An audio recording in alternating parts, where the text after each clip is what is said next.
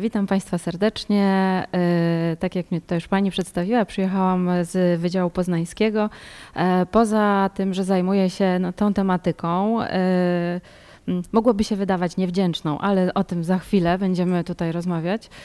Pracuję też praktycznie z osobami, które doświadczyły trudnych sytuacji w miejscu pracy. Współtworzę i pracuję w Stowarzyszeniu Przeciw Przemocy w Pracy, które działa już od 2004 roku, czyli 11 lat. I e, dość intensywnie konsultujemy tam e, klientów, którzy trafiają do nas, no bo mówię to o całym zespole, e, którzy doświadczyli właśnie trudnych sytuacji w miejscu pracy. Odnośnie tematów, zapewne Państwo wszyscy wiecie, wszyscy wiemy właściwie, mogłabym powiedzieć, bo to jest nasze wspólne doświadczenie, niestety. Tych trudnych sytuacji w miejscu pracy jest bardzo wiele ogrom, tak? Ja dzisiaj chciałabym się skupić na takim wycinku, którego też już Państwo się pewnie spodziewacie po opisie, e, a na takim wycinku też, który no jest szczególnie niebezpieczny e, dla, e, dla osób, którego po prostu, które tego typu działań doświadczają, a mianowicie na działaniach, zachowaniach, które wpisują się w obszar agresji. I mówię to y, z tak dość mocnym wydźwiękiem, e, mimo że Państwo wiecie, że, się, że, będziemy mówić dzisiaj głównie o mobbingu, tak? Aczkolwiek chcę powiedzieć to wyraźnie i donośnie, że mobbing stanowi agresję. Jest to rodzaj agresji przeciwko e, drugiemu człowiekowi. I tutaj różni mądrzy, którzy zajmują się analizą miejsc pracy i tego, e, co w pracy jest dla ludzi, e, co ludziom w pracy służy, co im przeszkadza, e, podają definicję agresji w pracy. To jest definicja, która jest oficjalnie przyjęta przez Komisję Europejską. Nie chcę przy niej się zastanawiać ani, mówiąc szczerze, zanudzać Państwa definicjami. Wolę przejść bardziej do praktyki, ale tu chciałabym zwrócić uwagę na jedną ważną rzecz, a mianowicie na to, że wreszcie mówi się, no już od dość długiego czasu, jak Państwo też widzicie, o tym, że agresja to nie tylko ta sytuacja, kiedy ktoś kogoś pobije, popchnie, kopnie, tak, użyje jakiejś broni czy narzędzia niebezpiecznego. To również takie sytuacje, kiedy człowiek jest zastraszany, kiedy jest obrażany, kiedy jest niewłaściwie traktowany. I chciałabym, żebyśmy, znaczy ja myślę, że my to mamy, tak, tę świadomość, tutaj Państwo szczególnie, kiedy jesteście, e, chcecie poszerzyć swoją wiedzę tym tematem, Wy to wiecie, ale chciałabym, żeby ta wiedza wiedza coraz szersze kręgi zataczała, że po prostu y, agresja, agresja psychiczna, niewłaściwe zachowania, nieetyczne zachowania wobec innych, no to też właśnie formy tego typu inwazji. I y, już do y, głównej tematyki naszego tutaj dzisiejszego spotkania zaplanowałam je w ten sposób, by Państwu najpierw przybliżyć jego charakterystykę, bo tak sobie myślę, być może je znamy. Mam nadzieję, że nie z praktyki, z doświadczenia własnego. No, a też to się zdarza, jak wiem.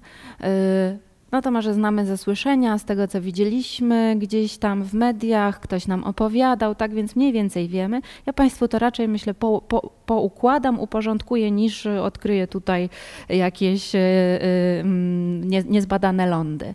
E, przybliżę, czym jest mobbing, jak się może przejawiać. Przedstawię również jego skutki. No, ze skutków mobbingu zdajemy sobie sprawę, ale być może jeśli one zostaną wypowiedziane i jeśli utrwalone też w prezentacji no, dla kogoś, komu ewentualnie moglibyśmy pokazać tego typu materiał, mogą być przekonujące. Tak? Y, powiem też o potencjalnych przyczynach, czy o y, takich przyczynach, które są rozpatrywane jako źródło właśnie mobbingu po stronie sprawcy, po stronie osoby poszkodowanej, po stronie być może jeszcze innych czynników. Y, powiem również, czym odróżniać, czym różni się mobbing od innych zjawisk, które też są no, mało eleganckie, a właściwie wchodzą troszkę do tej samej grupy w miejscu pracy, czyli dyskryminacja, molestowanie seksualne, stres w pracy generalnie, warunki pracy, wymagania menedżerskie. No, wymagania menedżerskie akurat nie, nie wchodzą do tej grupy, ale o tym też szczegółowo dowiecie się Państwo w e, naszej dalszej rozmowie rozmowie, która tutaj trochę będzie bardziej moim monologiem na początku, ale mam nadzieję, że później też Państwo, e, no tak, tak, tak e, chciałabym, żebyście Państwo mieli też czas dla siebie i aby wszelkie komentarze, pytania, tak? Coś, co potrzebuje odpowiedzi, żeby tutaj, żebyście mogli to wyrazić. Tak po to tutaj też jestem, żebyśmy mogli o tym później porozmawiać. A no tymczasem takie kilka słów e, wstępu. E, no i też oczywiście chciałabym powiedzieć, jak przeciwdziałać temu mobbingowi i co robić, kiedy już zaistniał, jakie są standardy, jakie są e, najlepsze, najbezpieczniejsze kroki do podjęcia przez osoby poszkodowane. W prezentacji zawarłam też informacje na temat tego, co mogą robić firmy, ale tutaj no, zobaczymy, tak, czy, czy uznacie Państwo, że jest taka potrzeba, abyśmy o tym rozmawiali, czy też być może wystarczy o tym e, doczytać, tak, a w prezentacji będziecie to mieli po prostu jako zwartą informację na, na temat tego zjawiska. Także tu jestem też otwarta na Wasze e, potrzeby i propozycje w tym temacie. Hmm. Czy, czy, czy możemy zaczynać na ten moment? Tak? Okej, okay, dobrze. E, w takim razie, e, przybliżając e, charakterystykę tego zjawiska, jakim jest mobbing, to chciałabym powiedzieć, że tutaj, tak jak Państwo widzicie, ten artykuł w kodeksie pracy, tak jak widzicie, ten zapis, on pojawił się, jak zapewne wiecie, w 2004 roku, czyli już 11 lat temu, tak, istnieje w naszym kodeksie pracy, ale oczywiste jest to, że zarówno sprawy mobbingowe, jak i sama instytucja mobbingu, niewłaściwego traktowania w pracy, istniała wcześniej. Z moich własnych doświadczeń wynika, bo też współpracuję z sądami, że i przed 2004 roku były zgłaszane sprawy, gdzie naruszane zostało na przykład dobre imię, czyli wizerunek, e, czy jakieś inne tak, dobra pracownika w pracy właśnie celowo. Miało to charakter no, tego, co byśmy dziś po latach nazwali mobbingiem. Więc no tak naprawdę mówimy o czymś, o zjawisku, które nie jest nowe. Powiedziałabym, w ogóle nie jest nowe w świecie ludzkim. Y, a, a, jeszcze mówiąc, jeszcze idąc dalej, to wręcz jest w ogóle nie, y, y, nie jest zjawiskiem nowym w świecie, świata, w świecie ożywionym, tak, który nas otacza. Bo nie wiem, czy Państwo wiecie, że samo zjawisko mobbingu zostało zaobserwowane po raz pierwszy nie wśród ludzi, to nie jest nasza bardzo wyrafinowana technika wpływu na innych, czy y, dochodzenia do swoich racji, etc. Nie, Konrad Lorenz, y, znany bardzo badacz zachowań zwierząt, odkrył to, że właśnie i wśród zwierząt występuje mobbing. Zauważył to zjawisko wśród, w grupie ptaków, na ich wśród, podczas obserwacji ich zachowań stadnych. Stąd zresztą się wzięła sama nazwa, mob. Czy wiecie Państwo, co oznacza mob z angielskiego? Tłum, tak jest. Mhm. I dokładnie to znaczy, tak? Czyli mobbing, tłum, nacisk tłumu, oddziaływanie tłumu. Lorenz dokładnie to zauważył, że tłum, zbiorowisko, duża grupa zwierząt potrafi w ten sposób naciskać czy piętnować jedno, jednego spośród siebie, że ten jeden człowiek zaczyna odchodzić od stada, alienować się, izolować, a co no w świecie zwierząt, y, jak pewnie wiecie, kończy się zazwyczaj śmiercią takiego zwierzęcia, tak? Jeśli jest zwierzęciem y, stadnym, więc jest to po prostu niebezpieczne dla życia. No i właśnie, ale skąd myśmy to wzięli? E, e, a mianowicie taka, taka przynajmniej jest historia, że z kolei Heinz Lehmann, e, szwedzki psychiatra, zaczął obserwować wśród swoich pacjentów skargi dotyczące tego, co się dzieje u nich w pracy. I zaczął coraz częściej łączyć te ich skargi z objawami, z którymi przychodzili. E, I za, zaczął po pewnym czasie, zaczął, zaczął wręcz celowo dopytywać pacjentów o, przy okazji pytania o różne strefy, sfery życia, tak? Bo jak Państwo zapewne wiecie, no psychologia, jak sądzę, jest Wam bliska, więc być może wiecie, o czym psycholodzy rozmawiają często z pacjentami czy z klientami. No, rozmawiają o relacjach z innymi ludźmi, o tym, jak się człowiek czuje e, wśród ludzi, w pracy, jakie ma zainteresowania, hobby, no i też e, no, pytamy czasami o, o środowisko pracy. Heinz Lehmann zaczął o nie pytać standardowo i zauważył, że istnieje pewna tendencja, że właśnie pacjenci mówią mu o pewnych rodzajach zachowań, które spowodowały, które są głównym źródłem tego, że oni wylądowali właśnie no, na jego, e, nie wiem, fotelu, kanapie, kozetce, tak? E, i zaczął to zjawisko badać. I mówi się, że on jest takim twórcą tego pojęcia właśnie e, w naszym świecie relacji ludzkich, interpersonalnych.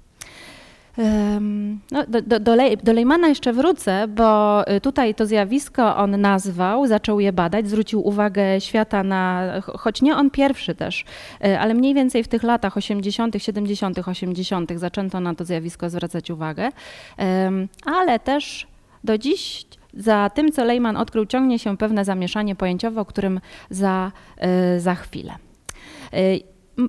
Właściwie to chyba nie będę tej definicji Państwu przytaczać, bo przecież Wy ją doskonale znacie, tak? że to usystematyzowana forma przemocy psychicznej, której sprawcą są osoby współpracujące z osobą poszkodowaną. No, Mówimy w skrócie z ofiarą przeważnie, gdy mówimy o agresji. E, ja bardzo sprzeciwiam się takiemu określeniu, dlatego że jest bardzo etykietyzujące. Nie wiem, czy Państwo wiecie, jak słownik e, PWN-u e, definiuje ofiarę. Czy to jest osoba poszkodowana z tytułu jakichś nieszczęśliwych zdarzeń i wypadków? Jak myślicie? Niedojda, fajtłapa, nieudacznik życiowy. No więc tutaj, tak, może się pojawić wątpliwość, czy oby na pewno tak możemy określać każdą osobę, która doświadczyła niewłaściwego traktowania w pracy, tak? No, czy chociażby, jak jesteśmy w obszarze agresji, przemocy, tak? Czy przemocy domowej, czy jeszcze w jakichś innych okolicznościach. Więc e, no, stosujemy to jako skrót myślowy i tak bym chciała, żebyśmy o tym pamiętali. Natomiast e, używam częściej i staram się używać określenia osoba poszkodowana. No, choć to też nie jest być może takie, tutaj prawnicy mogliby dyskutować, tak? czy to jest dobre określenie. Um, Okej. Okay. Jak Państwo też widzicie, być może znacie ten y, ten zapis w kodeksie pracy, on jest dość nieprecyzyjny. Szczególnie mało precyzyjną jego, precyzyjnym jego elementem jest y, określenie czasu trwania i długości trwania zachowań tych, które są właśnie określane jako nieetyczne, jako niewłaściwe, tak? Bo zobaczcie, ta definicja mówi o działaniach uporczywych i długotrwałych. No i teraz możemy mieć zagadkę w miejscu pracy. Czy jak ktoś przez tydzień zachowuje się wobec mnie nieelegancko codziennie, no to to jest uporczywe i długotrwałe, czy jeszcze nie? No i tutaj tak, mamy w tej legislacji pewną niejasność, brak precyzji, ale ja osobiście uważam z praktyki, że na całe szczęście. Bo zapewne jak wiecie, ci z Was, którym gdzieś może bliżej do prawa, życie niesie za sobą takie historie i przypadki, że y, stricte, sztywne definicje prawne czasami nie wystarczają na to, żeby te, na te przypadki odpowiednio zareagować. Więc tutaj mamy całe szczęście. Szczęście w nieszczęściu, można powiedzieć, tak? Trochę to stwarza problemów, ale teraz mam nadzieję już y, ani dla Państwa, ani dla pozostałych osób, którymi być może się podzielicie tą wiedzą, nie będzie to sprawiało problemów, bo mianowicie mamy na to pewien sposób, na to określenie czasu trwania mobbingu. I tutaj chciałabym już też zwrócić uwagę na to, że to jest to, co odróżnia mobbing od innych działań. Czas trwania i częstość jego występowania. Bo przecież w miejscu pracy możemy od czasu do czasu zetknąć się z jakimś nieeleganckim, niesympatycznym, niemiłym zachowaniem drugiej osoby, nawet jeśli ono jest celowo tak skierowane przeciwko nas, że ktoś na przykład specjalnie wyłącza nam drukarkę, mimo że wie, że musimy za chwilę z niej korzystać, a ona się będzie nagrzewała pół godziny, tak? No, zły humor, ktoś na odcisk nadepnął, korki były, etc. Dobrze, trudno. Od czasu do czasu, jak się zdarza, tak? E, czyli można mówić, że jest to relacja no, mało elegancka, może czasami być też to relacja konfliktowa, tak? Może też czasami dojść do, e, no choć tutaj też no, trudno o, o, akceptację i o mówienie o tym w żartobliwym tonie, do jakiegoś aktu agresji, tak? Do, do napaści na przykład, ale to też nie spełnia kryteriów mobbingu. Żebyśmy mogli mówić o mobbingu, to dane zachowanie musi trwać przez pewien czas, musi się powtarzać. To nie są incydentalne zdarzenia. No i właśnie tutaj Lejman nam powiedział, i to jest właśnie to, y, co mu trochę mamy za złe, że czas trwania mobbingu to co najmniej 6 miesięcy. A żebyśmy mogli mówić o tym, że to mobbing, to musi się zdarzać co najmniej raz w tygodniu. No i teraz przez dłuższy czas, gdy dopiero w świecie nauki, e, no i też nauki przekładanej na praktykę, próbowaliśmy to zjawisko oswoić i badać, no badacze i praktycy zastanawiali się, jak to rozumieć. Jak przychodzi do mnie człowiek, który mówi, że od czterech miesięcy doświadcza gehenny w miejscu pracy i że wszyscy są przeciwko niemu, no to co z nim zrobić? Zdiagnozować go, że doświadcza mobbingu, czy też powiedzieć mu, proszę tam wrócić, no i za dwa miesiące do mnie przyjść, tak? Bo może wtedy już, już pan dojrzeje, tak? To wtedy możemy się zająć sprawą. No więc y, niemniej jednak, słuchajcie Państwo, zdarzały się takie sprawy i historie, szczególnie na początku tej polskiej legislacji, że, e, że tak powiem, takie instytucje formalne no, trzymały się tej granicy 6 miesięcy, tak? Zdarzenie nie trwało, zdarzenia nie trwały dłużej niż 6 miesięcy, no niestety nie możemy przyjąć zgłoszenia o mobbingu, tak? Albo nie możemy się zająć sprawą. E, co oczywiście było trochę nadużyciem, a szczególnie nadużywaniem tej definicji lejmanowskiej. No bo co on zrobił? On jako psychiatra stwierdził, że po sześciu miesiącach u osób, które doświadczają mobbingu, pojawiają się już zaburzenia zdrowia psychicznego. Czyli on zaobserwował, że u ofiar występują już skutki po tych sześciu miesiącach, tak? I wtedy jakby mniej dyskusyjne jest już łączy, znaczy poszukiwanie tego, jaką szkodę wyrządziła sytuacja mobbingu. Natomiast nie to, że sam mobbing musi trwać sześć miesięcy. E, no i na szczęście po pewnym okresie no też zapoznawania się, oswajania się z tym zjawiskiem również przez sądy, pojawiło się, znaczy to nie tylko w odniesieniu do tej kwestii, ale pojawiły się wyroki, które y, mobbing y, które również uznawały za mobbing zdarzenia, które trwały znacznie krócej. No, jeden paradoksalny wyrok uznał za mobbing zdarzenie, które trwało jeden dzień. Ale tutaj różne są wersje tego, czym był ten wyrok podszyty, ponieważ jedna z wersji mówi o tym, że to zdarzenie trwało dłużej, natomiast tylko jedno, z jednego dnia zdarzenia udały się do, udowodnić. I sąd wziął wówczas pod uwagę to, że przez jeden dzień występowało jakieś zjawiska, tak, zachowania, no i to jest w związku z tym e, mobbing. Mm. E, no właśnie, ale Polski Sąd Najwyższy generalnie określa, znaczy y, traktuje zachowania długotrwałe i uporcze, długotrwałe jako te, które trwają co najmniej trzy miesiące. I tutaj myślę i z takiego punktu y, y, badacza, można powiedzieć, bo też badam to zjawisko teoretycznie, ale i praktyka, że rzeczywiście no, co najmniej te trzy miesiące co najmniej trzy miesiące y, sytuacja mobbingu może trwać, oczywiście może też krócej, ale przeważnie trzy miesiące i mniej więcej tyle czasu człowiekowi zabiera zorientowanie się, w czym on tak naprawdę tkwi, w czym jest, tak? Czy to jest w cudzysłowie normalne, czy już nienormalne, tak? Czy te zachowania są normą w firmie na przykład, czy nie? Oczywiście nie mówię tu o sytuacji, kiedy pracujecie Państwo na, w jakiejś firmie już przez e, lata i nagle się coś zaczyna dziać, tak? No bo wtedy to jest oczywiste, że jest zbyt duży, e, duży kontrast między tym, co było, a tym, co jest. Mówię tu raczej o tym, kiedy zaczynamy pracę, tak? No i zastanawiamy się jeszcze, czy to, czego doświadczam, to może takie trudne początki, tak, że wszyscy, mówiąc trochę nieładnie, no, muszą robić to ksero i parzyć kawę przez te pierwsze trzy miesiące, tak, i jeszcze różne im robią y, y, zabawne dowcipy koledzy i koleżanki, czy też już coś poważniejszego. Y, Natomiast oczywiście też, no to mówię, to jest jakiś ratunek, tak, to orzecznictwo, aczkolwiek no nie możemy też sztywno trzymać się tej granicy, no bo życie mm, no, czasami przynosi bardzo duże zagadki w tej kwestii. Jeśli chodzi o pojęcia, możecie się Państwo spotkać z dwoma, mobbing i bullying. I tutaj mamy trochę też zamieszania i bałaganu, ale na całym świecie i w Polsce, i w świecie naukowym, i w praktyce, a mianowicie takie, że mm, mm, mobbingiem nazywa się częst, najczęściej zachowania występujące pomiędzy pracownikami, a bullyingiem zachowania występujące pomiędzy uczniami. I mobbingiem te zachowania występujące pomiędzy pracownikami nazywa się głównie w Europie, ale czasami też w Stanach Zjednoczonych. Nazywa się w ten sposób e, zachowania pomiędzy pracownikami. Natomiast y, na przykład na północy Europy te same zachowania, na przykład w Norwegii określa się już jako bullying. Więc tutaj mamy geograficzne niestety zamieszanie.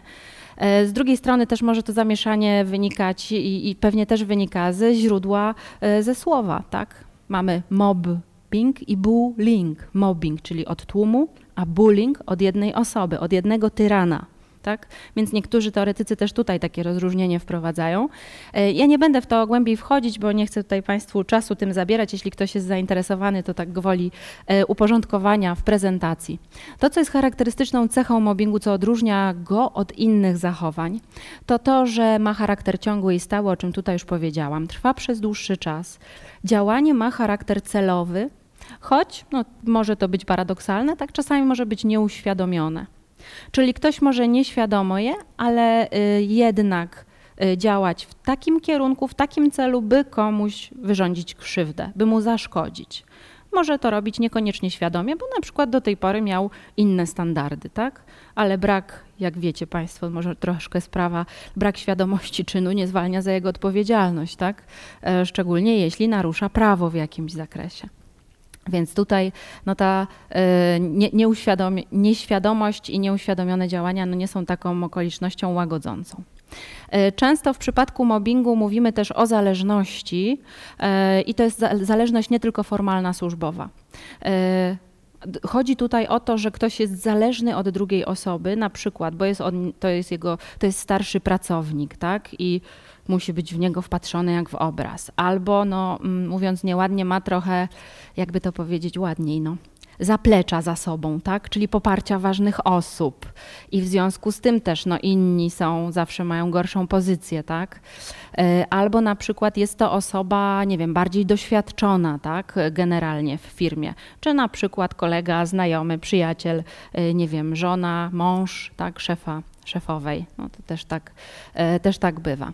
Zresztą ta zależność Tutaj mówimy o formalnej zależności dwóch osób od siebie, ale tak naprawdę kwestia zależności jest takim wyjaśnieniem dynamiki e, tej, tej relacji. Bo zastanówcie się Państwo, jak to jest możliwe w ogóle, że dwoje dorosłych ludzi, że, że jeden dorosły człowiek robi psychicznie drugiemu krzywdę. Przecież jako dorośli ludzie teoretycznie mamy już e, swoje granice ustanowione, utworzone. Wiemy, czego chcemy, potrafimy bronić swoich praw, e, właśnie tych swoich granic, tak? To jak to się dzieje, że nagle ktoś drugi takim jakimś sposobem umie zaleść mi za skórę? Jak on znajduje ten haczyk na mnie? I często okazuje się, że tym haczykiem jest właśnie jakiś rodzaj zależności. E, być może taki, którego no my też sobie nie uświadamiamy. Mm, też to jest podobne zjawisko, które ma miejsce w przypadku przemocy domowej. Tak? Że też tylko w takiej relacji, gdzie jest zależność, jest możliwa ta przemoc. Kiedy ta ofiara, ale tutaj to już rzeczywiście, znaczy ofiara w sensie osoby poszkodowanej, e, może doświadczać krzywdy od e, drugiej osoby, no i też e, właściwie nie reagować na to, tak, praktycznie. E, cechą mobbingu charakterystyczną jest też to, że jest kumulacja różnych działań. To zazwyczaj nie jest to jedno zdarzenie, że ciągle ktoś mi tę drukarkę wyłącza, tylko raz mi wyłączy drukarkę, raz mi nie przekaże informacji o ważnym telefonie, raz mnie nie zaprosi na zebranie, e, innym razem obgada mnie i mój wygląd do innych i tak dalej, i tak dalej. Tak? Czyli to, są to różne działania. No i też bardzo często, to już poda, po, pokazuje praktyka, że nie ma przeważnie wcześniejszych zastrzeżeń.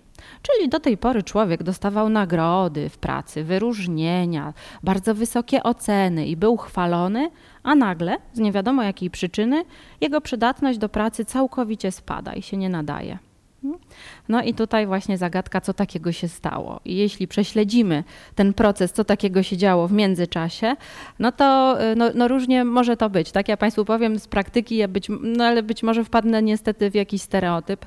No często jest tak, że ta nieszczęsna ofiara na przykład skończyła studia, albo dostała jakąś nagrodę, albo dostała jakieś wyróżnienie Jedna z moich klientek, tam była koincydencja kilku, kilku, kilku, y, kilku zdarzeń, a mianowicie przyszedł do jej pracy nowy szef, nowy szef, który całkowicie, powiedziałabym, absolutnie nie miał kompetencji do tego, by kierować, no to było y, administracja publiczna, tak, jednostka administracji publicznej, a to była osoba z wykształceniem artystycznym. Oczywiście osoby z wykształceniem artystycznym mogą kierować, tak jak pokazują różne światłe przykłady, no wręcz świetnie poprzez swoją twórczość to robią. No ale tu akurat się tak nie okazało. E, e, no a na dodatek to była osoba, ta moja pacjentka, klientka, która była bardzo sprawna, rzutka, przedsiębiorcza. E, no i do tego jeszcze na nieszczęście ludzie ją uwielbiali. I jej zespół, i klienci, ludzie z zewnątrz. Ona współpracowała z różnymi organizacjami skupionymi wokół tego urzędu. No i jakby takim już jej gwoździem do trumny, po tym jak przyszedł ten nowy dyrektor, było to, że dostała podziękowanie w lokalnej prasie za to, że pomogła komuś tam jakiejś organizacji w przeprowadzeniu jakiegoś projektu dla, dla dzieci czy, czy dla młodzieży. Już teraz, przepraszam, nie pamiętam tych szczegółów. No i właśnie tam, tam było też wiele jeszcze innych zdarzeń pomiędzy, ale to można traktować jako takie czynniki spustowe, można powiedzieć, tak? Że to to już było za dużo, no i po prostu tego to już dyrektor nie zniósł, tak? To już musiał coś zrobić. I robił bardzo sprawnie przez y, około 8 miesięcy. I ta moja klientka to jest jedna z osób, które najwcześniej się zorientowały, że doświadczają mobbingu. Po 8 miesiącach. I ona właściwie zorientowała się nie dlatego, że usiadła sobie przy biurku i pomyślała: Hmm, źle się tu czuję w tej pracy. Hmm, chyba ktoś mnie źle traktuje, muszę coś z tym zrobić. Mm -mm, to nie było tak. No, bo przeważnie nasza mądra głowa zaprowadza nas w różnych takich sytuacjach wątpliwych na manowce. A mianowicie przeważnie, znaczy no nie wiem, czy to są manowce, no tak działamy, tak, no może słusznie. Przede wszystkim na początku zaczynamy obwiniać siebie. Znaczy, albo mówiąc bardziej elegancko, poszukiwać swojej odpowiedzialności za daną sytuację. Tak no, jako dorośli ludzie no, robimy to, tak? Ale w pewnym momencie weryfikujemy to z rzeczywistością przy też życzliwej pomocy różnych osób, które wokół nas są. Nazywamy to wsparciem społecznym, które bardzo skutecznie się przyczynia do tego, żebyśmy jakoś w dobrym zdrowiu trwali w tej rzeczywistości niesprzyjającej. E, a u osób, które doświadczają mobbingu, no to sytuacja tego stresu, e, nieprzyjaznych warunków jest stała, tak, trwa stale, no a dodatkowo jeszcze ta osoba w ponieważ była na stanowisku też kierowniczym i wyższym, no nie mogła dostawać tak bardzo silnego w tym kontekście wsparcia społecznego od swoich współpracowników. No bo nie wiem, czy wiecie, fajnie jest być szefem, ale jak się jest szefem, to się jest zawsze troszkę samotniejszym, tak, niż członkowie zespołu, bo, bo my sobie możemy razem popłakać, ponarzekać, podenerwować się, tak, na to, co się dzieje w pracy, a szef zawsze, no, już musi to sam nieść, tak, niestety, albo no tak, tak to już jest. Więc w każdym bądź razie u niej to dość długo trwało, ale zorientowała się wtedy, tak opowiadała, że mówi, zdziwiło ją to, że ona przestaje lubić swoje dziecko. Miała dwuletnią córeczkę, wyczekaną, ukochaną, e, przeszczęśliwa była, gdy z nią e, siedziała w domu, gdy mogła się nią opiekować, no i też dość udane życie rodzinne miała. I w pewnym momencie zaczęła zauważać, że to dziecko, gdy domaga się od niej uwagi, opieki, gdy jest takie ruchliwe, żywotne, irytuje ją, denerwuje, nie bawi w ogóle, nie śmieszy. Najchętniej to by się po prostu gdzieś zamknęła i miała święty spokój, albo najchętniej zostawałaby w pracy po godzinach, żeby wszystko zdążyć zrobić, różne nowe zadania, które miała na siebie nakładane. I ona dopiero w pewnym momencie się ocknęła, że to jest coś nienormalnego że ona przecież kocha swoje dziecko, że takie bardzo wyczekane, to co się z nią takiego dzieje? I wtedy dopiero zaczęła się zastanawiać. I tak naprawdę trochę od drugiej strony odkryła to, że to, czego doświadcza, jest patologiczne, a ona do tej pory starała się cały czas tylko sprostać tym wymaganiom. No i reagować na różne nieeleganckie sytuacje. No, jedną z takich było na przykład to, że jej pracownikom, jej podległym, dyrektor powiedział, że od tej pory mają nie, nie mm, przepraszam, to powiedział ludziom z zewnątrz, to może od tego zacznę, że mm, od tej pory, gdy dzwonili tam klienci, jacyś lokalni tam firmy współpracujące, że od tej pory no niestety pani X straciła kompetencje, by zajmować się tymi sprawami mimo że formalnie w tym urzędzie nadal się nimi zajmowali. Każdy uzyskał taką informację tam z tych współpracujących, a z kolei jej ludzie e, dowiedzieli się, że e, gdy idą do niej w jakiejś sprawie, to muszą najpierw pójść do dyrektora i zgłosić mu po co idą, a później jak wychodzą od niej, to muszą pójść do dyrektora i mu zdać relację z tego, jakie ustalenia poczynili. No, żeby nie tracić czasu, prawda? Wszystko jest bardzo ważne i ono wszystkim musi wiedzieć. To był, jak Państwo się domyślacie, jakiś stopień, poziom kolejny kontroli, tak? nadmiernej kontroli nad, nad nią. Um, Dodatkowo jeszcze no, takie sytuacje, że nie była zapraszana na zebrania na przykład, dowiadywała się o nich w ostatniej chwili, a cały czas była na jednym z tych wyższych stanowisk kierowniczych i na przykład gdy nie przychodziła na takie zebranie, w trakcie zebrania i to z stołu na właśnie tam, gdzie już wszyscy byli zebrani, dyrektor dzwonił do niej i mówi, no gdzie pani jest? My tutaj wszyscy na panią czekamy. Więc ona, nie wiedząc w ogóle o tym, spóźniona i jeszcze pod obstrzałem, no wiadomo, z pretensją, tak, kolegów, koleżanek, którzy niczego nie byli świadomi, że się właśnie ona celowo spóźnia. No więc tak to akurat u niej wyglądało I powiem Państwu jeszcze tak do, dokończając tą historię, jeśli mi pozwolicie, u tej osoby okazało się, że ona dość szybko, mm, hmm, znaczy na początku, bo myśmy ją konsultowali w stowarzyszeniu, nie chciała z takim hura entuzjazmem opuszczać tego miejsca pracy, no bo tam miała bardzo dużo energii, uwagi, serca po prostu włożyła w to, co tam realizowała. Naprawdę rewelacyjne projekty dla ludzi e, i właśnie dla społeczności lokalnej. Ale po pewnym czasie się okazało, że ona nie da tam rady jednak, tak? mimo że się stara. A no bo jeszcze na przykład zdarzało się tak, że e, szef zlecał jej pisanie prywatnych projektów swoich po godzinach.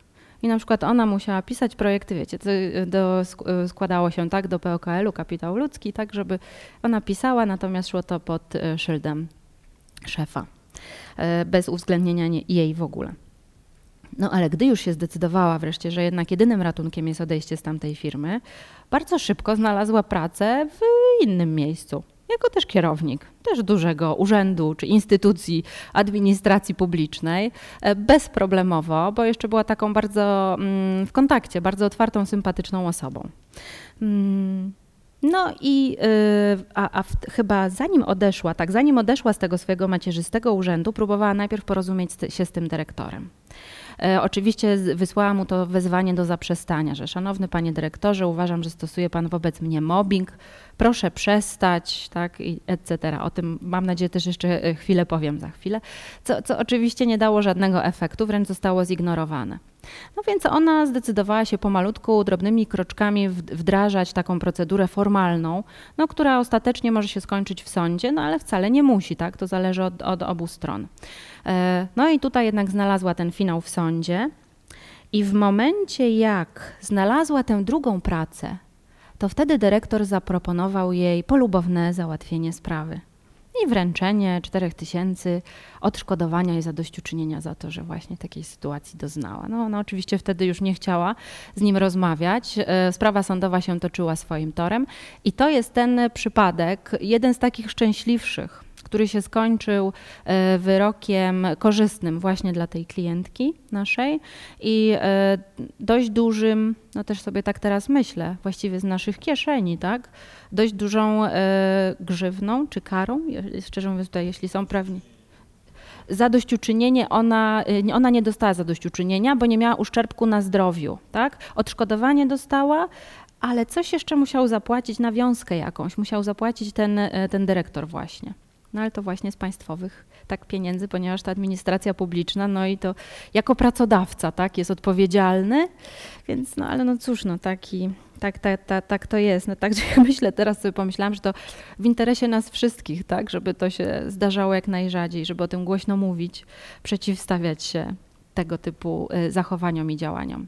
No, znaczy, ale podsumowując już jej przypadek, myśląc już typowo o niej tak bardziej psychologicznie, y, jak, jako psycholog, no ona wygrała dla siebie, tak? Wygrała tą sytuację, jej się udało i y, no, szczęśliwie się to zakończyło.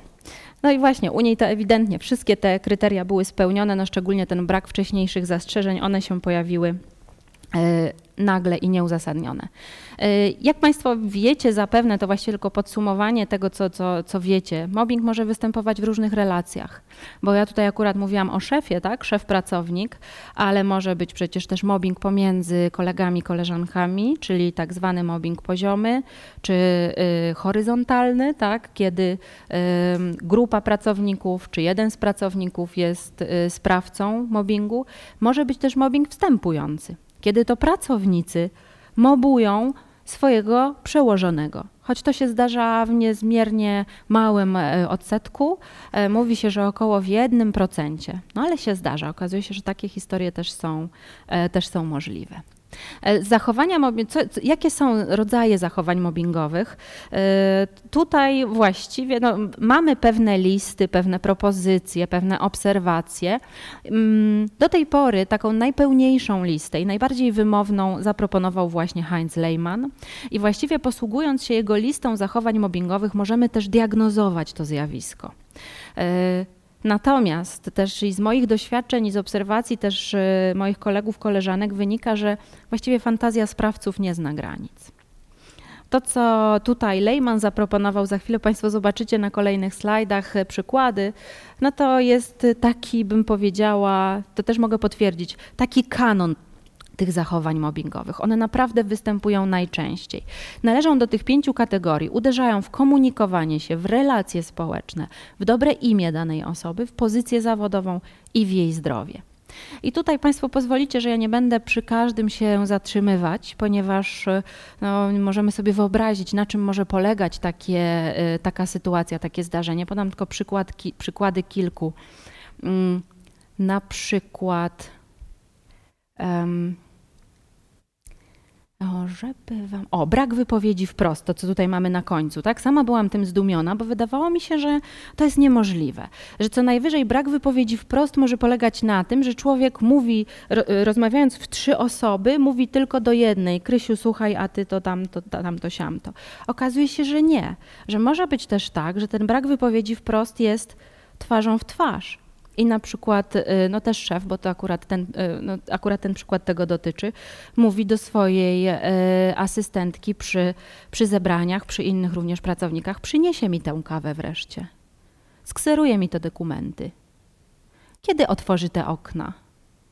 I tak wygląda komunikacja, tak? Tak może wyglądać brak wypowiedzi wprost. Stosowanie aluzji i zawoalowanej krytyki, jak Państwo wiecie, szczególnie raniące i szczególnie trudne do poradzenia sobie, bo jeśli krytykę mamy zawoalowaną, to trudno ten spod tego woalu ją wydobyć. A skoro trudno ją wydobyć, to trudno odpowiedzieć z otwartym, tak, z otwartym czołem, można powiedzieć. E, dlatego ona jest tak bardzo raniąca, ta zawoalowana krytyka. I na czym może polegać? Mm, na przykład na tym, że to, to z kolei inna z moich klientek, y, która pracowała była pracownikiem marketingu takiej ogromnej firmy y, prywatnej, można powiedzieć, y, jak to się mówi, korporacji. Tak? Szczęśliwa, że nie potra- nazwy sobie nie mogę nawet przypomnieć, prawda?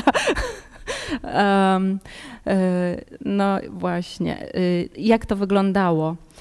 To była osoba takiej, takich słusznych rozmiarów, ale nie jakaś szczególnie, nie wiem, zawadzająca, tak, żeby była naprawdę kłopotliwa. Natomiast no, po prostu miała taką budowę ciała, a nie inną. Bardzo atrakcyjna pani zresztą.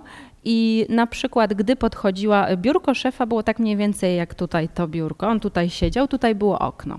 I gdy ta moja klientka podchodziła do szefa i tutaj się go o coś pytała, to on mówił: O Jezus, całe słońce zgasło. Bo mu się robiło ciemno, tak? No, i teraz jak na to ma, ma, ona odpowiedzieć, tak? A wie, że to jest do niej i o niej. Albo na przykład przechodząc przez ich pokój, e, krytykował sposób odżywiania się ludzi otyłych i mówił, że e, przez to jak jedzą, to śmierdzą jak świnie. I po prostu sobie wychodził wtedy z tego pokoju, tak? A to takie, mówiąc bardzo nieładnie, ten smrodek pozostawał, tak? No i działał dalej niestety. Ona coraz, y, coraz gorzej się tam czuła. No już takim, taką kulminacją było to, że jak chciała pojechać na urlop, to miała powiedziane, dobrze, oczywiście możesz pojechać, ale tu jest parę klombów do poprzesadzania przed no, instytucją naszą, tak? I ona to zrobiła musiała to robić. Tak? Czyli po prostu z marketingu wychodziła, bierała łopatkę, narzędzia, przesadzała kwiatki w klombach przed, przed firmą. Hmm. Może nam się wydawać to niemożliwe, prawda? Ja kiedyś też tak myślałam. A najbardziej zszokowała mnie, zszokowała mnie historia mojego kolegi, z którym współpracuję w stowarzyszeniu, który się też zajmował tym tematem, e, który e, prowadził wywiady takie narracyjne z ludźmi, którzy doświadczyli mobbingu i opowiadał nam o tej historii. Pracownicach dużego zakładu e, takiego krawieckiego w okolicach gdzieś Łodzi, gdzie właścicielem był bardzo młody człowiek, a pracownikami, no takich większość pań w słusznym wieku, takich no, po prostu krawcowych, szwaczek, tak, mm, które pracowały przy maszynach. No i nie mówiąc o tym, że y, nawet nie wiem, czy mi się uda, to, tego mi się nie uda chyba powiedzieć, y, bo zwracał się do nich w słowach niecenzuralnych. Wchodząc na przykład mówił, a te już pracują czy nie? E, mówiąc to na hali, tak? Na hali do, y, do różnych innych pracowników. A gdy któraś z nich chciała pójść na urlop, to musiała przy wszystkich na hali podejść do tego właściciela, uklęknąć i go poprosić o to. żeby mogła wziąć urlop. I one to robiły. A ich tam było wszystkich około pięćdziesiątka.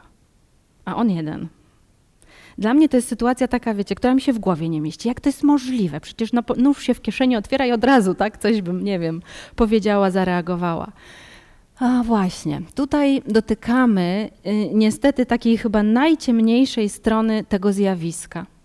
A mianowicie tego, że doświadczanie y, nieetycznych praktyk ze strony drugiego człowieka, mówiąc wprost, doświadczanie przemocy, y, w, wtłacza nas w coś takiego, co nazywamy spirale agresji, spirale, czasami spirale bycia ofiarą. Jeśli zdarzenie trwa przez długi czas, jeśli, jeśli się powtarza, jeśli nie mamy wsparcia z, od ludzi, z którymi współpracujemy, albo od po prostu naszych życzliwych bliskich, przyjaciół, koleżanek, jeśli na przykład mamy taką sytuację ekonomiczną, że naprawdę nie możemy sobie pozwolić tak, żeby szukać nowej pracy, to po prostu tkwimy w tym, w czym jesteśmy. E, I mm, a dodatkowo jeszcze, i to jest charakterystyka taka już bardziej psychologiczna tak, osoby, która doświadcza przemocy, dojmującym u niej uczuciem, dominującym jest poczucie winy i wstydu. I teraz sobie Państwo pomyślcie, jak kiedyś coś zbroiliście, no każdemu z nas się zdarzyło, umówmy się, tak, te przepisy drogowe czasami nam przeszkadzają. I gdy zostaliśmy, przepraszam, trochę się rozkojarzyłam, chyba sobie zaczęłam przypominać, czy mam coś do zapłacenia, czy nie. E, e, każdemu z nas się zdarzyło, tak, takie odczucie, że zrobiliśmy coś nie tak i się zastanawialiśmy, czy rzeczywiście, czy nie. Ale po chwili przypomnieliśmy sobie różne fakty, pokojarzyliśmy, skonsultowaliśmy sprawę z kimś i wracaliśmy do swojej rzeczywistości. Tak? Osoby, które doświadczają agresji, przemocy, pogrążają się w tym poczuciu winy i wstydu. A im bardziej się pogrążają, tym bardziej nie wychodzą na zewnątrz, opowiadając o swojej sytuacji, tym bardziej nie mogą dostać pomocy. I to jest ten paradoks, dlaczego osoby, które doświadczają przemocy domowej, e, mówią, że rzeczywiście im się należało, bo naprawdę te buty krzywo stały w tym przedpokoju. I one w to święcie wierzą, że to jest rzeczywiście uzasadniona przyczyna tego, dlaczego dostały, tak? Właśnie to wewnętrzne odczucie. Dlatego też tak bardzo ważnym momentem jest to, że e, gdy nie wiem, czy Państwo też jesteście psychologami, czy, czy, czy być może też, jeśli nie psychologami, to pracujecie z ludźmi, na przykład, którzy też mogą takie sprawy zgłaszać. E, bardzo ważne jest to, gdy ludzie do nas przychodzą z tym problemem, gdy mówią o tym, bo to oznacza, że to jest ten ich pierwszy krok do wyjścia z bycia no, ofiarą, tak? bo, bo to czasami aż do tego może dojść. E, to jest światełko w tunelu, jeśli zaczynają o tym mówić. E, bo tak naprawdę sprawcy mogą działać tylko wtedy, kiedy ofiary nie mówią. I to sprawcy w szerokim rozumieniu tego słowa, tak sprawcy generalnie przemocy. I w pracy e, jest podobnie. Więc, no tak jak mówię, to może być trudne, żeby się do nas ci pacjenci czy klienci zgłaszali. Niemniej jednak, już, jak już przychodzą, no to warto to docenić, tak? I, I to jest też dla nich szansa i nadzieja. Warto też, myślę, ludzi namawiać do tego, żeby coś z tym robili. Hmm. Mimo, że oni sami w to niekoniecznie mogą wierzyć. Okej, okay, no właśnie, a co powoduje, że przestają w ogóle wierzyć i komukolwiek wierzyć? To tak jak Państwo za chwilę zobaczycie, tych zachowań, tych sytuacji jest mnóstwo.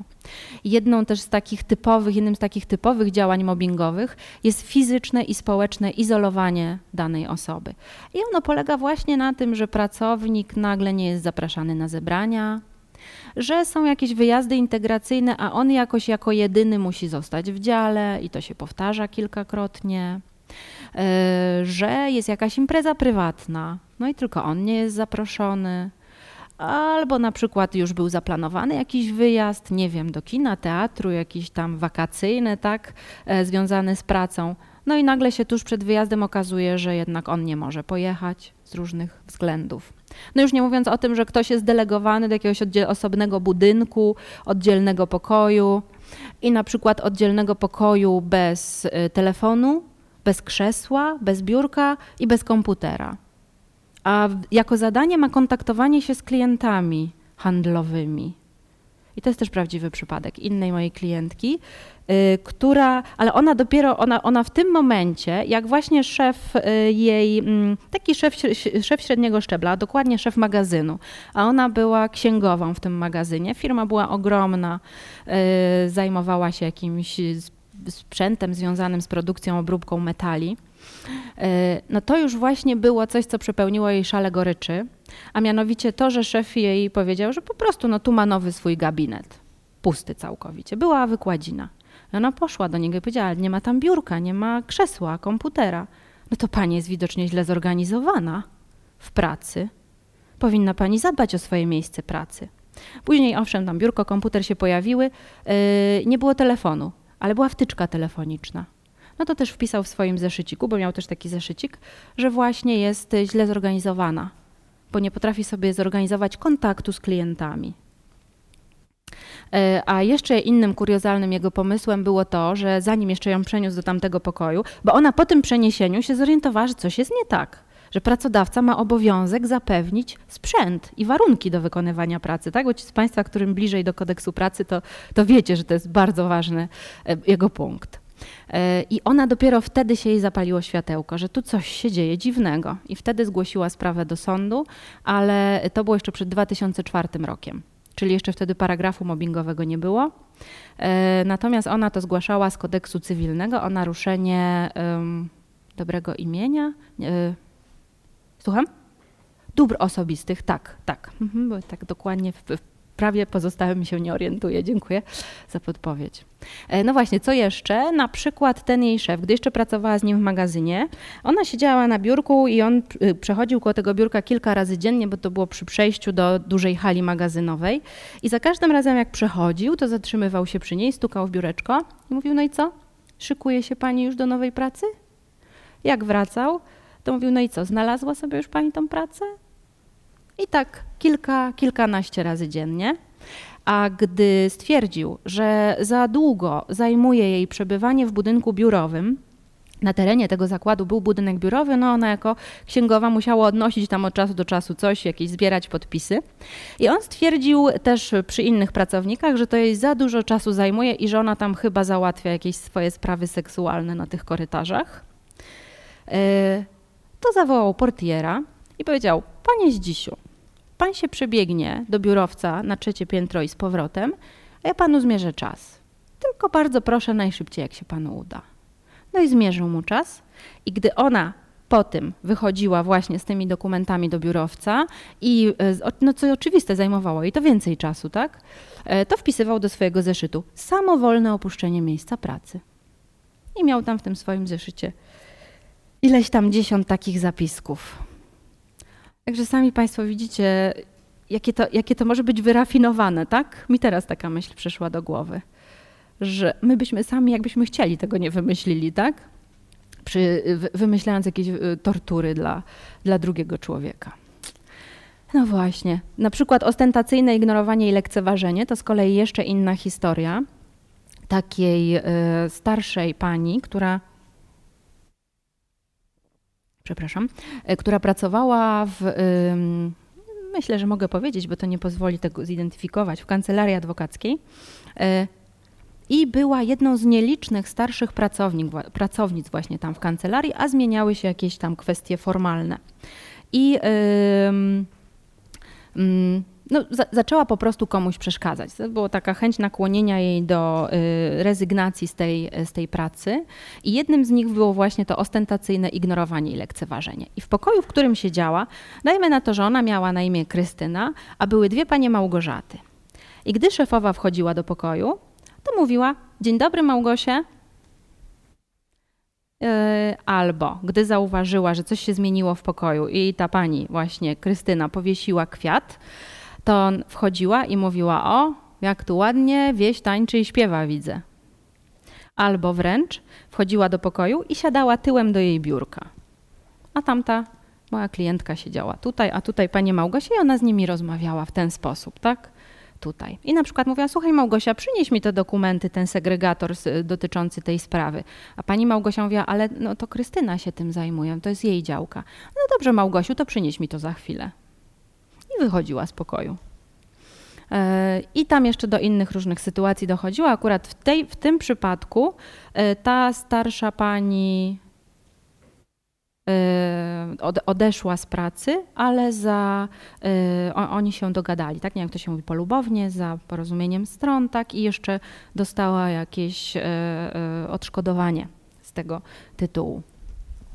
Co jeszcze? Mogą być też działania naruszające wizerunek, różnego rodzaju, no to, to co jest typowe i najczęściej występujące, rozsiewanie plotek, żartowanie, wyśmiewanie życia prywatnego, etc., etc. Nie będziemy się, jeśli Państwo pozwolicie, przy tym zatrzymywać. Również działania uderzające w pozycję zawodową. Tutaj też nie będę się zatrzymywać przy każdym z tych przykładów. Chcę tylko zwrócić uwagę na to, że tutaj mobbing może polegać zarówno na tym, że komuś się daje do realizacji zadania, które wykraczają poza jego kompetencje i umiejętności, jak i takie zadania, które są znacznie poniżej kompetencji i umiejętności. I tutaj przypomina mi się historia takiego dziennikarza, który był no, dość niepokorny w swojej redakcji, ale no, niepokorny wobec no, też akurat szefowej. No, dzisiaj taki, takie same przykłady mam dla Państwa akurat w tym, w tym typie. No i to, co było jego karą, między innymi różnymi innymi zachowaniami mobbingowymi, to to, że przez około miesiąc miał za zadanie yy, analiza prasy codziennej wraz z raportem codziennym. Krótko mówiąc, jego praca polegała przez miesiąc na tym, że chodził do jednego małego pokoiku, miał tam stos różnych codziennych czytadeł i musiał je przeczytać, przeanalizować, napisać raport. Gdy po swojej pracy zanosił go szefowej, szefowa zerkała, mówiła, o, wspaniale, dziękuję bardzo. I wrzucała go do kosza. I tak codziennie, codziennie, codziennie, codziennie przez miesiąc. E, no i mogą to być też zadania uderzające w zdrowie różnego rodzaju, e, no też o typie przemocy fizycznej, znęcaniu się fizycznym, też e, o charakterze seksualnym, czy na przykład przyczynianie się do powstawania strat materialnych powodowanych przez osobę. Z takim zdarzeniem spotkałam się akurat w takim miejscu pracy, gdzie byli, mm, e, gdzie praca polegała na, to była firma transportowa. I tam kierowcy sobie po prostu, jak oddawali ciężarówki, to jeden wiedział, kiedy coś się zaczyna psuć gdzieś, bo coś tam się dzieje, urywa i tak dalej. I wtedy dawali tę ciężarówkę specjalnie tylko właśnie takiemu jednemu. Bo wiedzieli, że wtedy akurat ten, jak będzie w trasie, to mu się ta ciężarówka zepsuje. Tak to może wyglądać. E, jakie są, jak, to, jak to jest zobrazowane, albo gdzie indziej możemy szukać, e, bo mam nadzieję, że nie w prawdziwym życiu, tego w jaki sposób mobbing wygląda, jak przebiega, możecie Państwo zapoznać się z książką Amelie Nothomb z pokorą i uniżeniem. Nie wiem, czy ktoś czytał? Ręka do góry? Nie zdarzyło się? Zachęcam. No, Amelie Nothomb w ogóle ciekawa autorka, tak? Troszeczkę z takiego obszaru e, powieści z dreszczykiem, powiedziałabym. Więc trochę, trochę w, w, takim kierunku Tillera, ale ona podobno tam opisuje swoje własne doświadczenia z pracy w japońskiej korporacji. Swoje własne, czyli tutaj niestety nie pamiętam, czy ona była Angielką czy Amerykanką, no ale to rozumiecie też zderzenie kultur, prawda? Dodatkowo. No ale ewidentnie w książce też są opisane praktyki mobbingowe. No i być może Państwo znacie też film w sieci z Michaelem Douglasem i Demi Moore. Jeśli jeszcze nie, to zachęcam rewelacyjnie pokazana sytuacja e, mobbingu, dręczenia psychicznego, w którym jest wykorzyst- w procesie którego jest wykorzystywana przewaga władzy, bo to szefowa molestuje swojego pracownika i dodatkowo ten, ty, wysuwa się tam na plan pierwszy kwestia molestowania seksualnego. Przy czym to molestowanie y, odbywa się w, w obszarze mobbingu. Tak? Pracownik jest generalnie szykanowany, źle traktowany. Rewelacyjny film, także zachęcam do obejrzenia, bo pokazuje też świetnie dynamikę tego zjawiska. Jaka jest skala narażenia na mobbing? Państwo pozwolicie, że tutaj nie będę Was jakoś szczególnie tym zanudzać. Chciałabym tylko powiedzieć, że tak mniej więcej w Polsce, nie wiem czy tutaj widzicie, nie wiem czy mogę tutaj zaświecić, tutaj mamy Polskę, tak? Tutaj tak mniej więcej niecałe 10%. No i tak jest właściwie od, od 15-20 y, lat, jak pokazują statystyki y, europejskie, około 10% średnio generalnie e, w całej Unii Europejskiej. Zobaczcie, ta średnia unijna, y, no tutaj mamy w zależności kobiety, mężczyźni troszkę wyżej. Badania polskie też wykazują, że mniej więcej 10% pracowników z różnych branż jest narażonych na mobbing.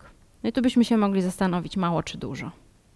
10% to znaczy, że jak mamy załogę stuosobową, to 10 osób w ciągu ostatniego roku doświadczyło mobbingu, tak? jeśli to, te dane dotyczą jednego roku.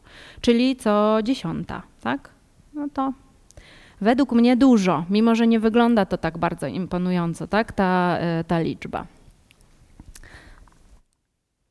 Oczywiście mówimy o tym zjawisku dlatego, że ono niesie ze sobą bardzo poważne konsekwencje w zakresie zdrowia fizycznego. I tutaj też może nie będę Państwu e, o tym wszystkim tak szczegółowo mówić, tak być może znacie e, skutki stresu generalnie, tak? Jak stres odbija się na naszym organizmie.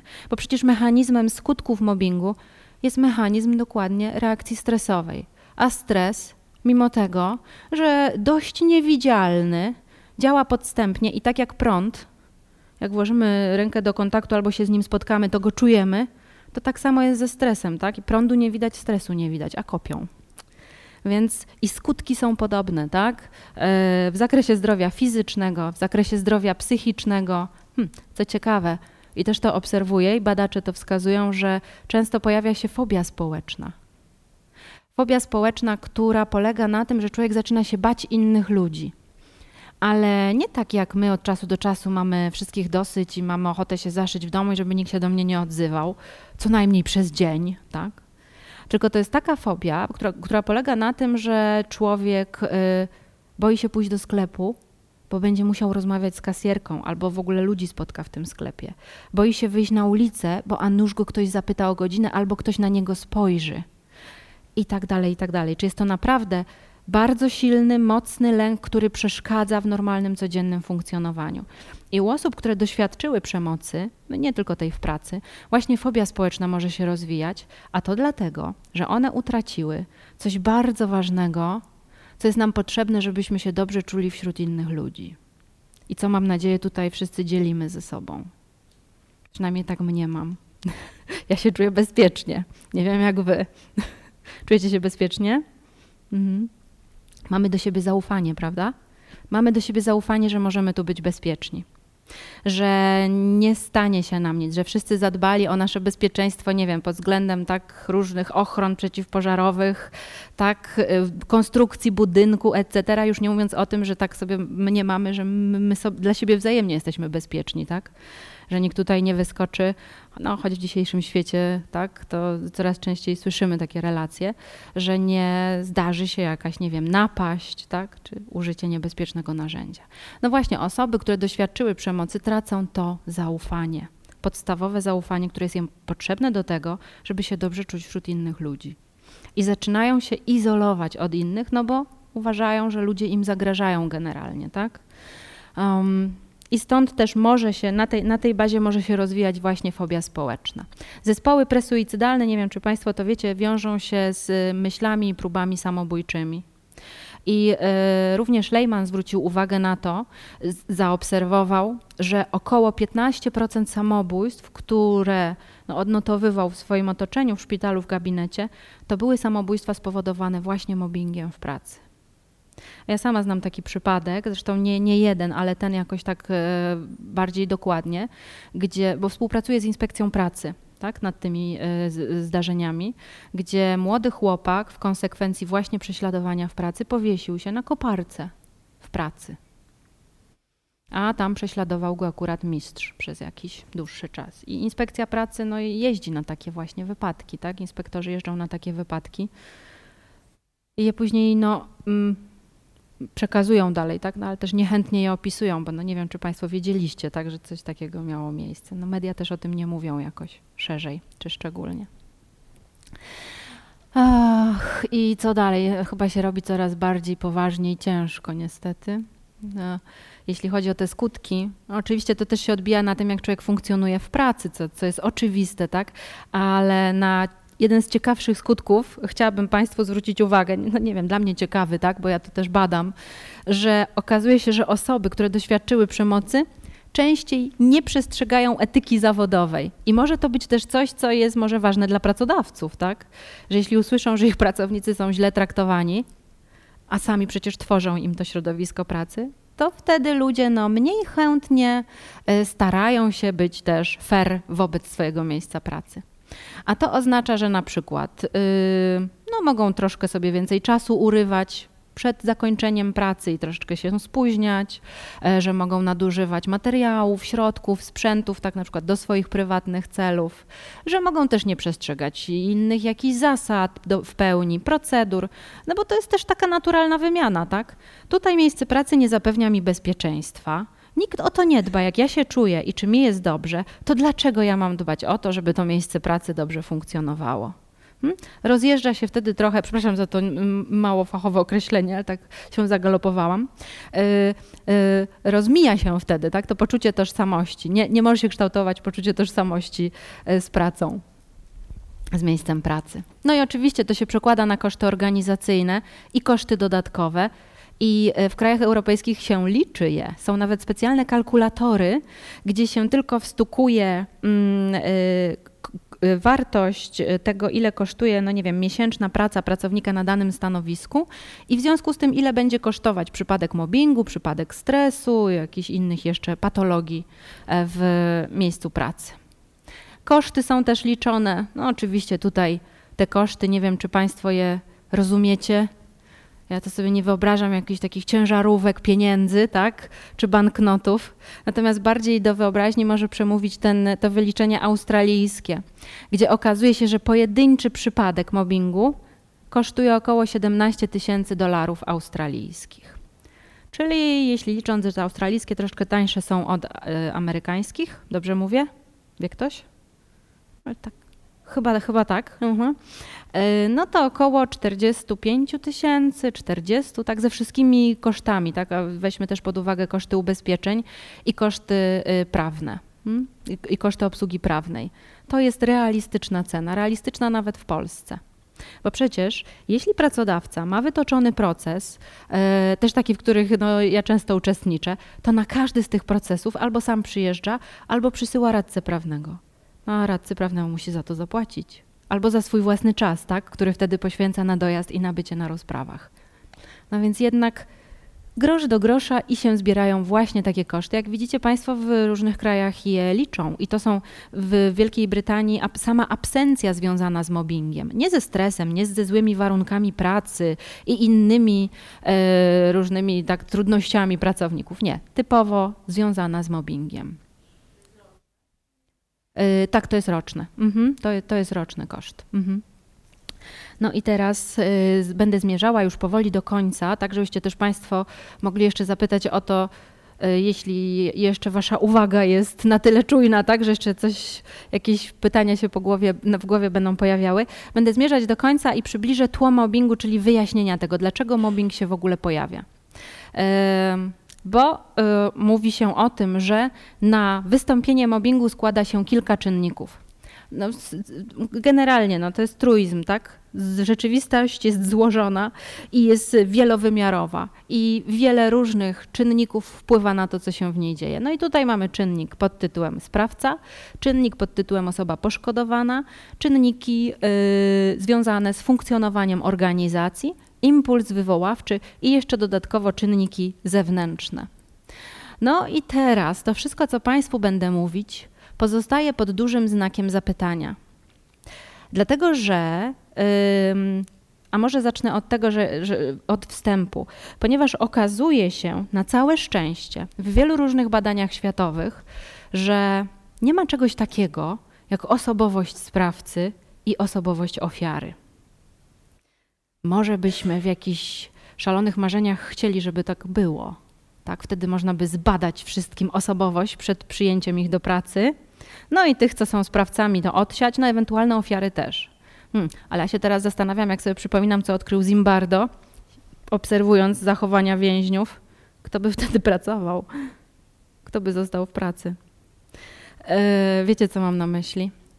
Że y, tak naprawdę przecież jest tak, że i, i też tutaj taka będzie moja konkluzja, że w głównej mierze to sytuacja czy warunki tworzą to, co prezentujemy. Tak? Mamy różne moce w sobie, i te pozytywne, i te negatywne. Tak? Ja śmiem twierdzić, że te takie mniej korzystne dla nas i dla innych ludzi zazwyczaj kontrolujemy tak? I, i staramy się nad nimi panować. Ale nie zawsze tak musi być. Przecież wiecie, co potrafią, jak potrafią na nas zadziałać autorytety. To też wiecie z różnych eksperymentów psychologicznych, tak? Co potrafimy zrobić drugiemu człowiekowi, jak nam jakiś mądry autorytet w białym fartuchu powie, że tak że masz go razić prądem 220, jak źle odpowiedzi na pytanie, jakiego koloru jest ten obrazek. I wtedy zwyczajny człowiek, taki jak każdy z nas, wypełnia e, zadanie i razi tego drugiego, zupełnie zwyczajnego, sympatycznego człowieka, no tym prądem 220. No, bo nie wiedział, że to niebieski, jaki odcień niebieskiego. E, taka nasza natura. Tak? Niemniej jednak, e, już mówiąc bardziej serio i poważnie, odnosząc się do tego tematu, nie ma osobowości i całe szczęście. Nie da się czegoś takiego, tak, wyprowadzić takiego wzoru. Natomiast autorzy wskazują na pewne cechy osobowości, pojedyncze, indywidualne nasze właściwości, które mogą nas predysponować do tego, byśmy byli sprawcami bądź ofiarami czy osobami poszkodowanymi, tak? No i mówi się o tym, że w, po stronie sprawcy to może być, to mogą być cechy osobowości, nadmiernie, y, czyli na, potrzeba nadmiernej kontroli, neurotyczność, psychopatia y, i zaniżone bądź zawyżone poczucie własnej wartości. I to są takie cechy, które nie wiem, czy Państwo wiecie, współcześnie określa się y, też jako ciemną triadę. Słyszeliście o tym?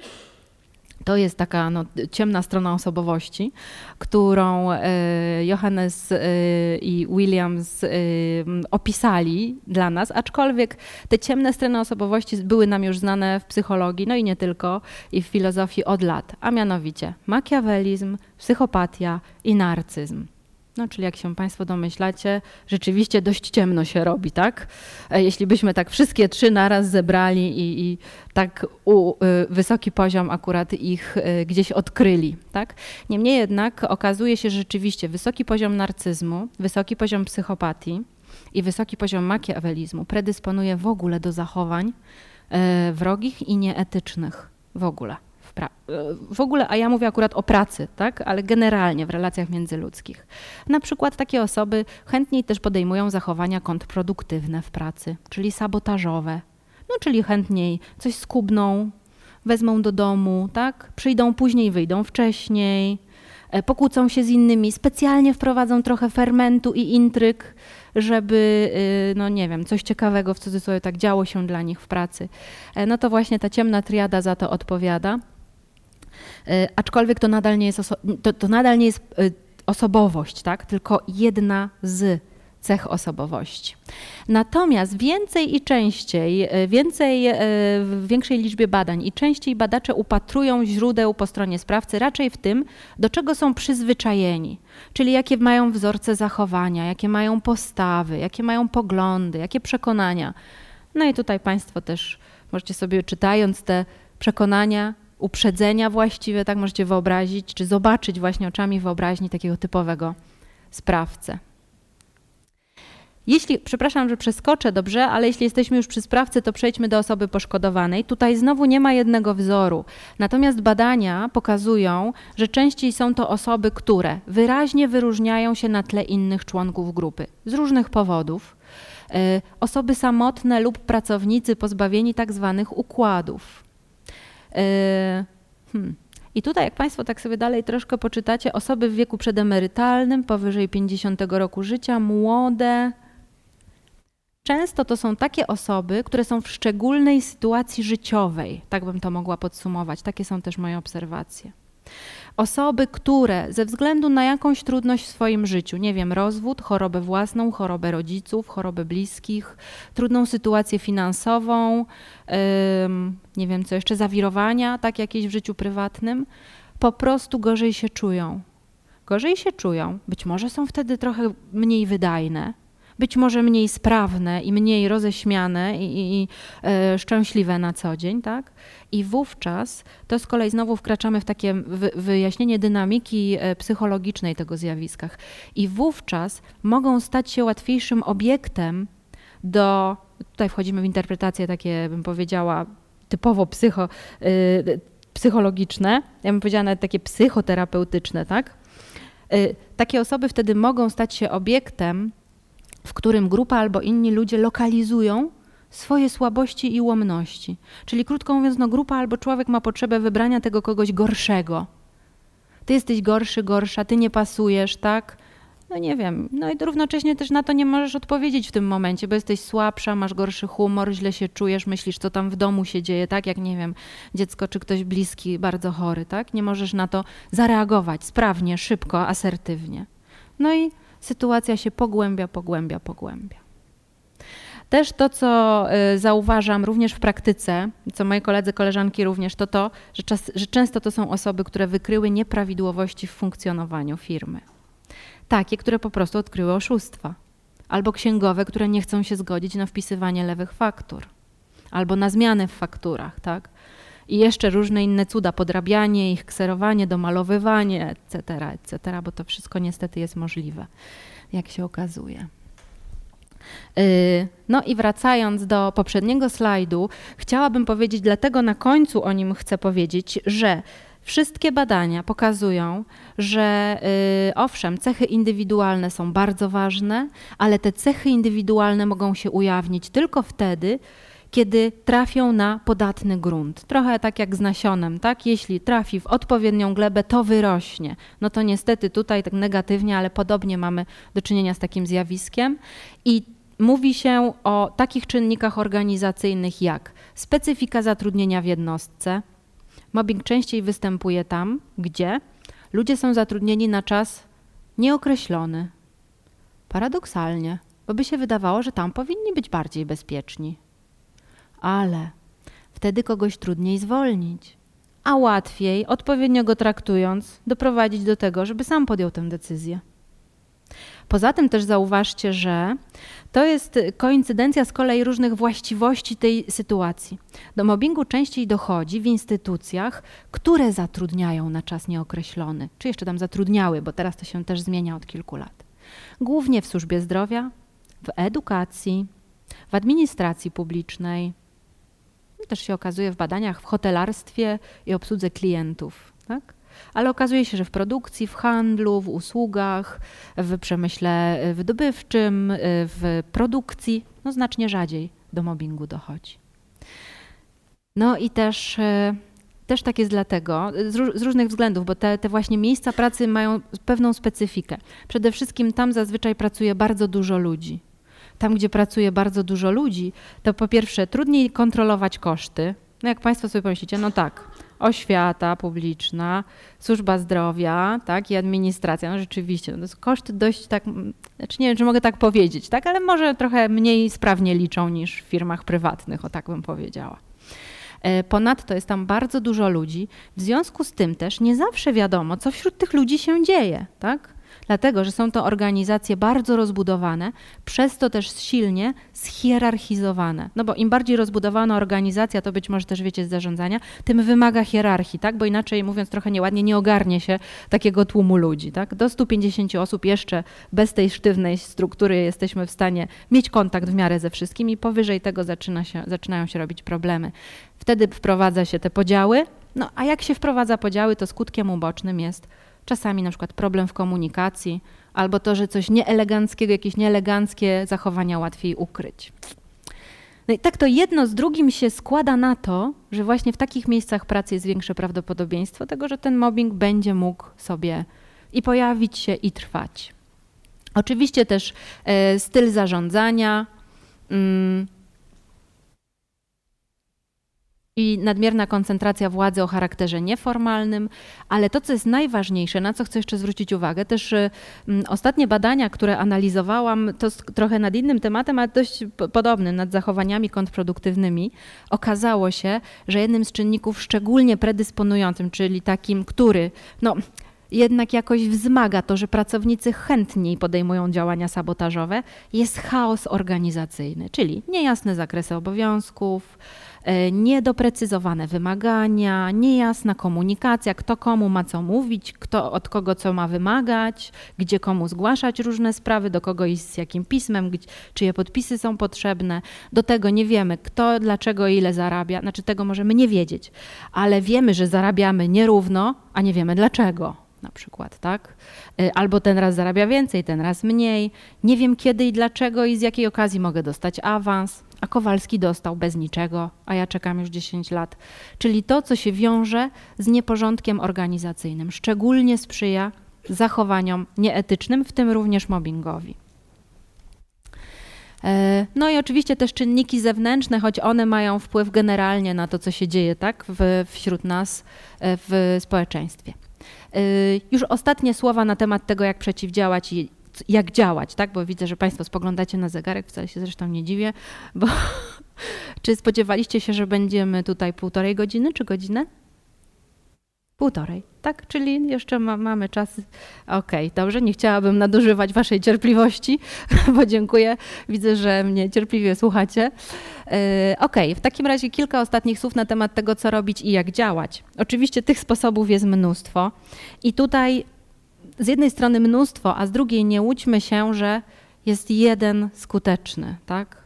E, bo z bezpieczeństwem w pracy i w tym, żeby to miejsce pracy było przyjazne, jest tak, jak z budowaniem bezpiecznej twierdzy. Cegiełka po cegiełce, drobny element do drobnego elementu, jak mur obronny. Drobne interwencje, drobne procedury, drobne zasady, etc. I e, dopiero wtedy możemy budować środowisko pracy wolne od mobbingu, na podstawie, to, to się mówi prewencja, tak to się nazywa prewencją, na podstawie tych drobnych działań prewencyjnych.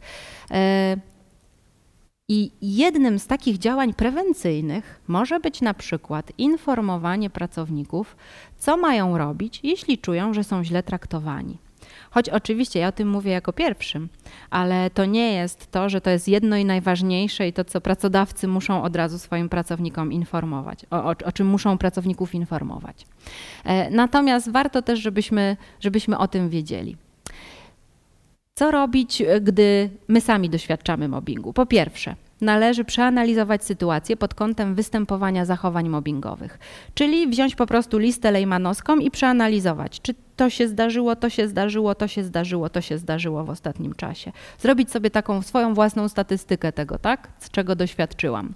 Następnie y, porozmawiać na temat sytuacji w miejscu pracy z zaufaną osobą w miejscu pracy czyli z kolegą, koleżanką, tak? No pewnie ci, którzy tego doświadczali, no to robią, tak? Tutaj ja rozumiem, że czasami to już niektóre kroki to jest po tym, jak się mleko rozlało, ale no musimy je przejść, tak? E, żebyśmy pamiętali na przyszłość chociażby i żeby to się nie, żeby takie sytuacje nam nie doskwierały. Mm. A po to ta rozmowa, że zaufana osoba może nam czasami zweryfikować nasze przekonania czy poglądy. Bo przecież bywa tak, że możemy myśleć, że ten szef się na mnie uparł, czy szefowa, i ciągle tylko ode mnie czegoś chce, a się okazuje, że tak naprawdę od wszystkich. Bo jest taka sytuacja, że w ciągu tygodnia firma albo padnie, albo przetrwa i wszyscy chodzą na rzęsach tak? i pracują po 12 na dobę. I też taka rozmowa z kimś w pracy pozwala czasami dowiedzieć się czegoś, no, o czym możemy, naprawdę możemy nie wiedzieć.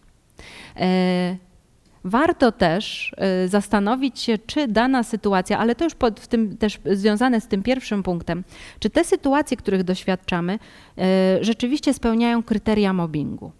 Czyli krótko mówiąc, czy nie są to zwyczajne, normalne antypatie w miejscu pracy, tak? Takie, że po prostu z kimś się nie lubię, no i nie będę się szczególnie szczerze uśmiechać do tej osoby, ani miło z nią rozmawiać, no bo po prostu jej nie lubię i tyle, no no to wcale nie znaczy, że to jest mobbing, tak? No, możemy się z kimś nie lubić, możemy nie chcieć do kogoś się odzywać, tak? No, czasami musimy, no, ale możemy, tak? Nie, nie chcieć.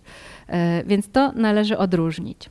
Następnym krokiem, kiedy już podejrzewamy, czy już mamy większą prawdopodobieństwo, że to jednak jest mobbing, warto zapisywać to, co się dzieje. Jeśli macie Państwo jakiekolwiek podejrzenia, czy zastanawiacie się, czy to jest w tę, czy w tę stronę, warto sobie zapisywać takie wątpliwe sytuacje ich, ich czas, miejsce, cytaty, kto był świadkiem. Może się to nie przydać nigdy i tego życzę sobie i Wam. E, a może być tak, że niestety okaże się, że za pół roku, rok, półtora, sytuacja będzie się tak kumulować i tak będzie dotkliwa, że jednak trzeba będzie podjąć formalne kroki. I wtedy takie zapiski pozwalają odtworzyć całą chronologię zdarzenia i na przykład powiedzieć szefie, to było tak i tak i tak, tutaj już to zrobiła wtedy to, tu zrobił to, tu tamto, tak? Mamy wtedy po swojej stronie fakty. No, mniej bądź bardziej zweryfikowane, tak? Ale jednak, kiedy mamy takie zapiski, no jest to jakieś odniesienie się do faktów. E, jeszcze takim bardziej e, potężniejszym argumentem w tym kontekście są oczywiście dokumenty, tak? O ile możemy. Jeśli jest taka możliwość, to wskazane jest, aby z moberem przejść na formę pisemną czyli wszystko, co do niego, o co się zwracam, o co proszę, tak? Na przykład 40 raz prośba o dofinansowanie szkoły, czy nie wiem, prośba o delegowanie na e, wykłady i tak dalej, spotyka się z odmową, a wszyscy inni jakoś dostają zgody, tak? Więc warto też mieć to gdzieś w, mail, w mailach nawet, to też jest już e, w, do, w dokument, tak? To, też, to też już jest utrwalone. No i dalej, jeśli już decydujemy się podjąć jakąś, e, podjąć jakieś kroki w swojej sprawie, kroki formalne, przepraszam, to pierwszym takim krokiem formalnym powinno być tak zwane wezwanie do zaprzestania. Możemy się tego podjąć e, ustnie bądź pisemnie, czyli krótko mówiąc, do osoby, która jest tym moberem, piszemy. Szanowna pani, panie, uważam, że stosuje pan pani wobec mnie mobbing, ponieważ tego dnia było to, tego dnia było to, tego dnia się zdarzyła taka sytuacja. Proszę o zaprzestanie tych działań i odpowiedź pisemną na moje pismo z poważaniem. Można dodać jeszcze jakieś dyplomatyczną, e, dyplomatyczne podsumowanie, że zależy mi na dobrych relacjach w pracy i dlatego zwracam się najpierw do pani, pana w tej sprawie.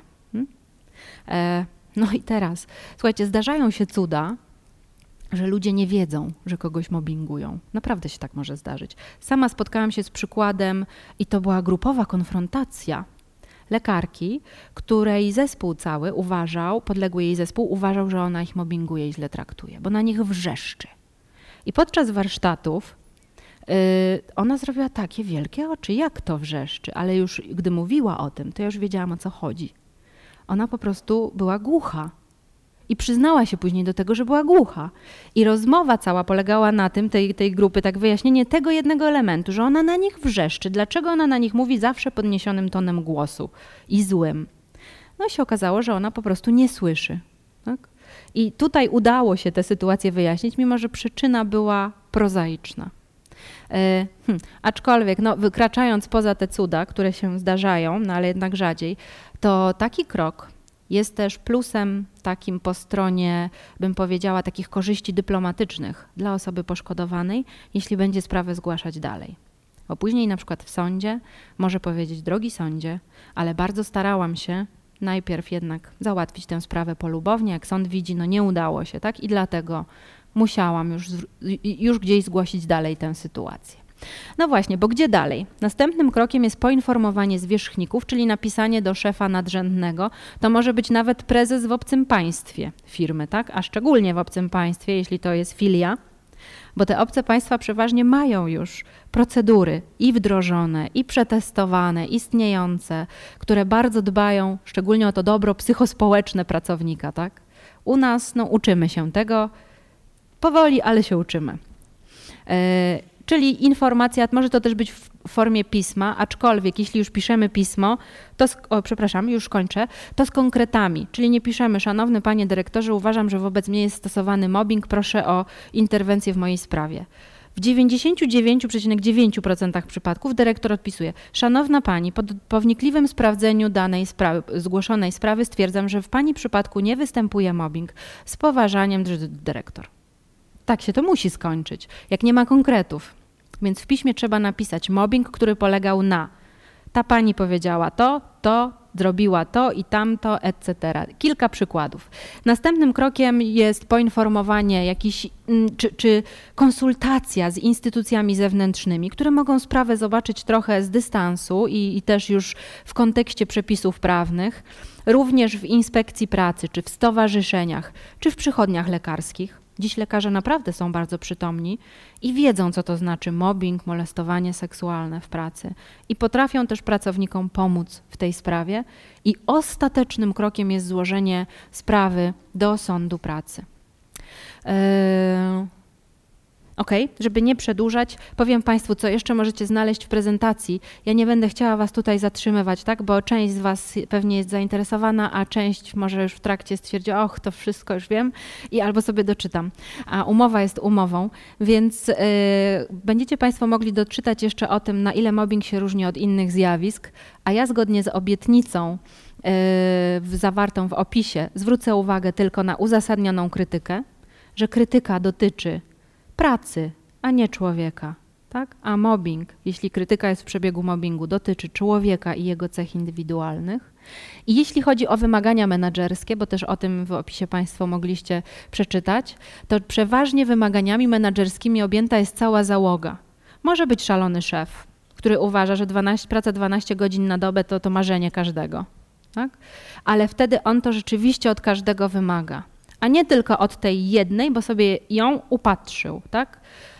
Tutaj ewidentnie inny jest cel. Celem mobbingu jest po prostu zniszczenie drugiego człowieka, a celem wymagań menedżerskich zwiększenie wydajności. No i dyskryminacja, molestowanie seksualne, zjawiska podobne, ale troszkę inaczej prawne, pod względem prawnym. I y, tutaj, jak Państwo widzicie, już nie będę Wam teraz tego czytać wszystkiego, to są właśnie te y, y, części elementy dotyczące tego, co pracodawca może zrobić. Najważniejszym z jego elementów jest procedura antymobbingowa, wewnętrzna procedura antymobbingowa. Można to czasami znaleźć pod hasłem WPA. Każda firma powinna mieć taką procedurę, a w niej opisane to wszystko, co ja tutaj Wam właśnie chciałam powiedzieć jeszcze. I dodatkowo informacje możecie Państwo znaleźć w takiej literaturze. Uważam, że szczególnie wartościowa jest pozycja Jędrejka. Mimo, że się nazywa cywilnoprawna odpowiedzialność za stosowanie mobbingu i wydawnictwo jest prawnicze, to dla psychologów albo ludzi, którzy się interesują też tym zjawiskiem od tej strony naprawdę będzie wartościowa i, i przyswajalna. No i Dziękuję za uwagę i przepraszam za ten czas, y, bo chciałam jeszcze Państwu oddać czas. Niemniej jednak mam nadzieję, że teraz zechcecie się ze mną podzielić swoimi uwagami, pytaniami. No na pewno nie, też nie, być może nie poruszyłam jakiejś kwestii, która Was interesuje. Jeżeli ktoś ma pytania, to daj kasy, podejdę. Każdy proszę. Wspomniała Pani o wojsku, w służbach mundurowych. Wydaje mi się, że tutaj tam występuje szczególnie ostro w momencie na przykład łamania charakteru. Wiadomo, że żołnierz nie może być osobą, która dyskutuje nad wykonaniem rozkazu, bo taka działałoby niesprawna zupełnie. Mhm. Jak właśnie orientuje się Pani, jak tam y, przedstawiają się właśnie sprawy mobbingu i czy tam w ogóle jest możliwość usunięcia tego mobbingu w tego typu służbach? Mhm. Mogę powiedzieć, że trochę się orientuję, ale o tyle, o ile to się w ogóle udaje komukolwiek z zewnątrz. Dlatego, że służby mundurowe, i tutaj wszystkie służby mundurowe, to jest wojsko, policja, tak, służba celna, więziennictwo, mają swoje własne, swoją własną opiekę zdrowotną i medyczną. W związku z tym przeważnie my, psychologowie z zewnątrz, nie mamy jakby dostępu do ich tajemnic, tak? I nie, niechętnie pozwalają nam się badać tak naprawdę. Ważne jest to, co Pan mówi. Dziękuję za tę uwagę, bo rzeczywiście yy, nie, nie powiedziałam o tym, zapomniałam. No fala w wojsku przecież, tak? Fala w wojsku to jest typowe zachowanie o charakterze mobbingu. Yy, I oczywiście ono występuje E, aczkolwiek jeśli chodzi o badanie częstości czy skali tego zjawiska w wojsku, w Polsce szczególnie, nie spotkałam się z takimi badaniami. Być może one są, ale no są, nie, nie są nam powszechnie dostępne. Są badania prowadzone w więziennictwie, a właściwie zaczynają się dopiero, bo akurat ta służba mundurowa zaczyna mieć coraz bardziej ludzką twarz. E, I tutaj pojawiają się naprawdę światłe osoby w, w gronie zarządzających więzieniami, ale to takie też bym powiedziała światełko w tunelu, póki co, ale jednak. E, I tam są badania tego typu i okazuje się, że rzeczywiście jest duży odsetek, czy też nie jakiś szalony, tak? Jest to około 17 do 20%. Niemniej jednak jest to wyższy odsetek niż w tak zwanej populacji ogólnej. Natomiast na pewno trudniej nam odkryć te zjawiska, ponieważ to są tak zwane instytucje totalitarne, czyli zamknięte, tak, do których no, i specjaliści z zewnątrz nie mają dostępu. A dodatkowo, tak jak Pan mówi, mają też swoje pewne zasady i procedury. No i właśnie ten nieszczęsny rozkaz. Ale też jest kwestia, e, w, kontekście rozkazu jest też kwestia tego, jak on jest przekazywany, prawda? Bo no, znam takie przykłady też, że też konsultuję pacjentów właśnie z, z mundurowych. No i można powiedzieć, przepraszam Państwa teraz za znowu niecenzuralne słowo, wykonaj to, bo, a można powiedzieć wykonaj to do nędzy, tak? I to ma zupełnie inny wtedy wydźwięk. I inaczej człowiek to odbiera, do którego to jest kierowane, tak? Więc y, mimo rozkazu też istnieją pewne granice i procedury, właśnie które też mogą charakteryzować mobbing, tak jak w każdym innym miejscu pracy i pozwalają go odróżnić. Z tego co wiem, to no bo to też jest służba mundurowa, nie wiem czy Państwo wiecie, w Straży Pożarnej bardzo chętnie zajmują się szkoleniem strażaków i, i szefów strażaków, e, ich władze, właśnie w tym kontekście też, takich po prostu relacji międzyludzkich i tego, co tam czasami w nich może no, w nieelegancką stronę pójść. Nie wiem, czy to odpowiedziałam na Pana pytanie. No, tak trochę z, z, żalem, że nie mogę bardziej i pełniej. Tak? Sama ża żałuję, że nie ma wglądu do tego, co się dzieje w służbach. Aha. Jakie jest Pani zdanie na ten temat? Mhm. Ja miałem wgląd i dlatego byłem ciekaw, jakie jest Pani zdanie na ten temat. No ale rozumiem, że, mhm. że kobiecie może i zresztą cywilowi trudniej Właśnie. jest wniknąć w te struktury. Tak jest. Mhm. Czyli czy mo moje zdanie, tak mam nadzieję i tak sądzę, potwierdziłoby Pana pewnie obserwacje i do, doświadczenia. Mhm. Czy ktoś jeszcze? Zachęcam, zapraszam. Nie powiedziałam o, o metodach diagnozy mobbingu. Tak? Możecie Państwo też je wyszukać. Między innymi Centralny Instytut Ochrony Pracy tutaj z Warszawy adaptował taki kwestionariusz NAC Einarsena. Jeśli ktoś by chciał się więcej o tym dowiedzieć pod względem naukowym, to też może szukać grupy Einarsena w ogóle, jeśli operujecie językiem angielskim. W Norwegii Style Einarsen zajmuje się tym zjawiskiem, stworzył specjalną grupę badawczą, bardzo dużo robią i działają w tym obszarze i też publikują dużo. To dla tych Państwa, którzy musicie źródła podawać, pisząc coś o mobbingu na przykład. Czy coś jeszcze? Jestem ciekaw jeszcze, jak się ma mobbing do e, ról, e, które odgrywają e, poszczególne osoby. Wiadomo, że są osoby predestynowane do tego, aby być ofiarą. One się dobrze czują w, w roli ofiary, a również są osoby, które dobrze się czują w roli mm, wymuszającej na tej ofierze jakieś tam posłuszeństwo. Czy, mhm. I teraz pytanie, czy w takich relacjach można mówić o mobbingu, jeśli osoba jest ofiarą, ale mhm. przyjmuje to jakby na siebie, być może powoduje to jakieś zmiany psychiczne u tej mm -hmm. osoby, ale mm -hmm. nie zgłasza pretensji, ale inni obserwują i na przykład mogą się z tym źle czuć, bo obserwowanie mm -hmm. na mhm. przykład tego, że jakaś osoba jest wykorzystywana i mobbingowana też nie jest przyjemne dla obserwatorów. Mhm. Jak wtedy y, pani uważa, powinno się postąpić, czy w ogóle przeciwdziałać taki, tego typu zjawiskom, czy w ogóle przeciwdziałać, czy taka relacja jest dopuszczalna? Hmm. Znaczy, jak pokazuje nam natura, no jest dopuszczalna, bo się zdarza, tak? Więc tutaj y, myślę, że trudno kontrolować to, czy takie relacje się pojawiają, czy nie, tak? One się po prostu pojawiają między ludźmi. E, natomiast tutaj y, można powiedzieć, że wracamy trochę do definicji mobbingu. O mobbingu mówimy wtedy, kiedy jest skutek negatywny, czyli kiedy osoba, która doświadcza mobbingu, doświadcza negatywnych konsekwencji. Tylko wtedy e, to zjawisko jest rozumiane w sensie prawnym, tak, że zaistniało. I tylko wtedy też w prawie polskim na przykład można się odwoływać, e, czy można żądać, czy, mm, przepraszam, no wiecie Państwo, co mam na myśli, tak? Można oczekiwać zadośćuczynienia bądź odszkodowania.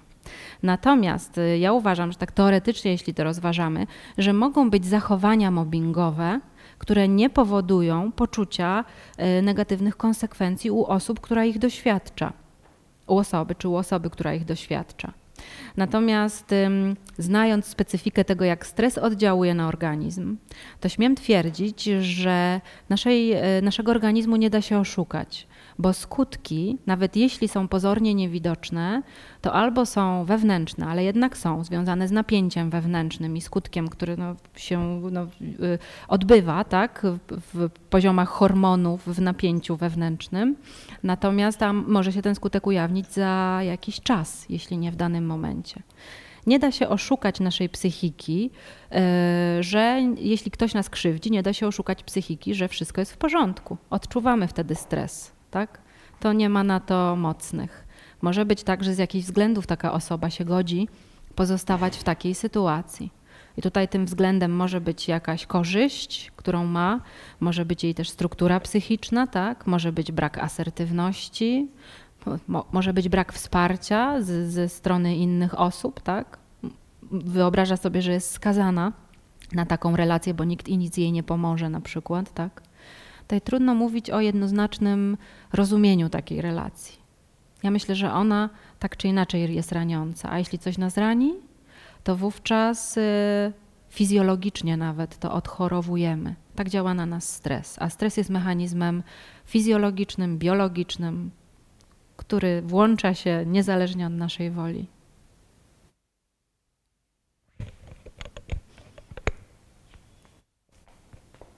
Czy coś jeszcze? Ktoś jeszcze?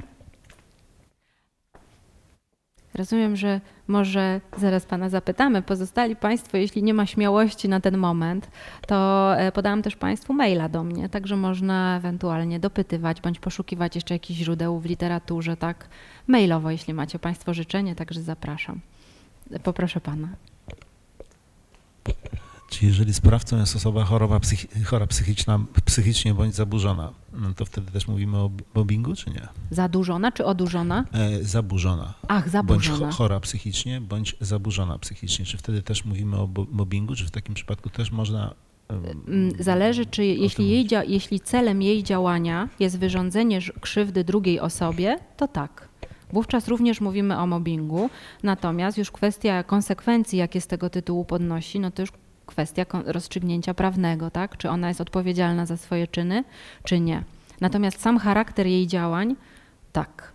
Mhm. Jeśli ich celem jest skrzywdzenie kogoś, bo może być tak, że mm, nie wiem, jej celem jest poinformowanie kogoś o czymś, tak? a robi to w taki sposób, bardzo niekulturalny, nieelegancki, tak? że no, zahacza to zachowania y, mobbingowe na przykład, czy agresywne. Tak?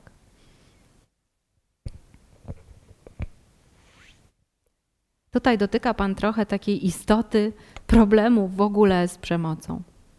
Czym ta przemoc jest tak naprawdę?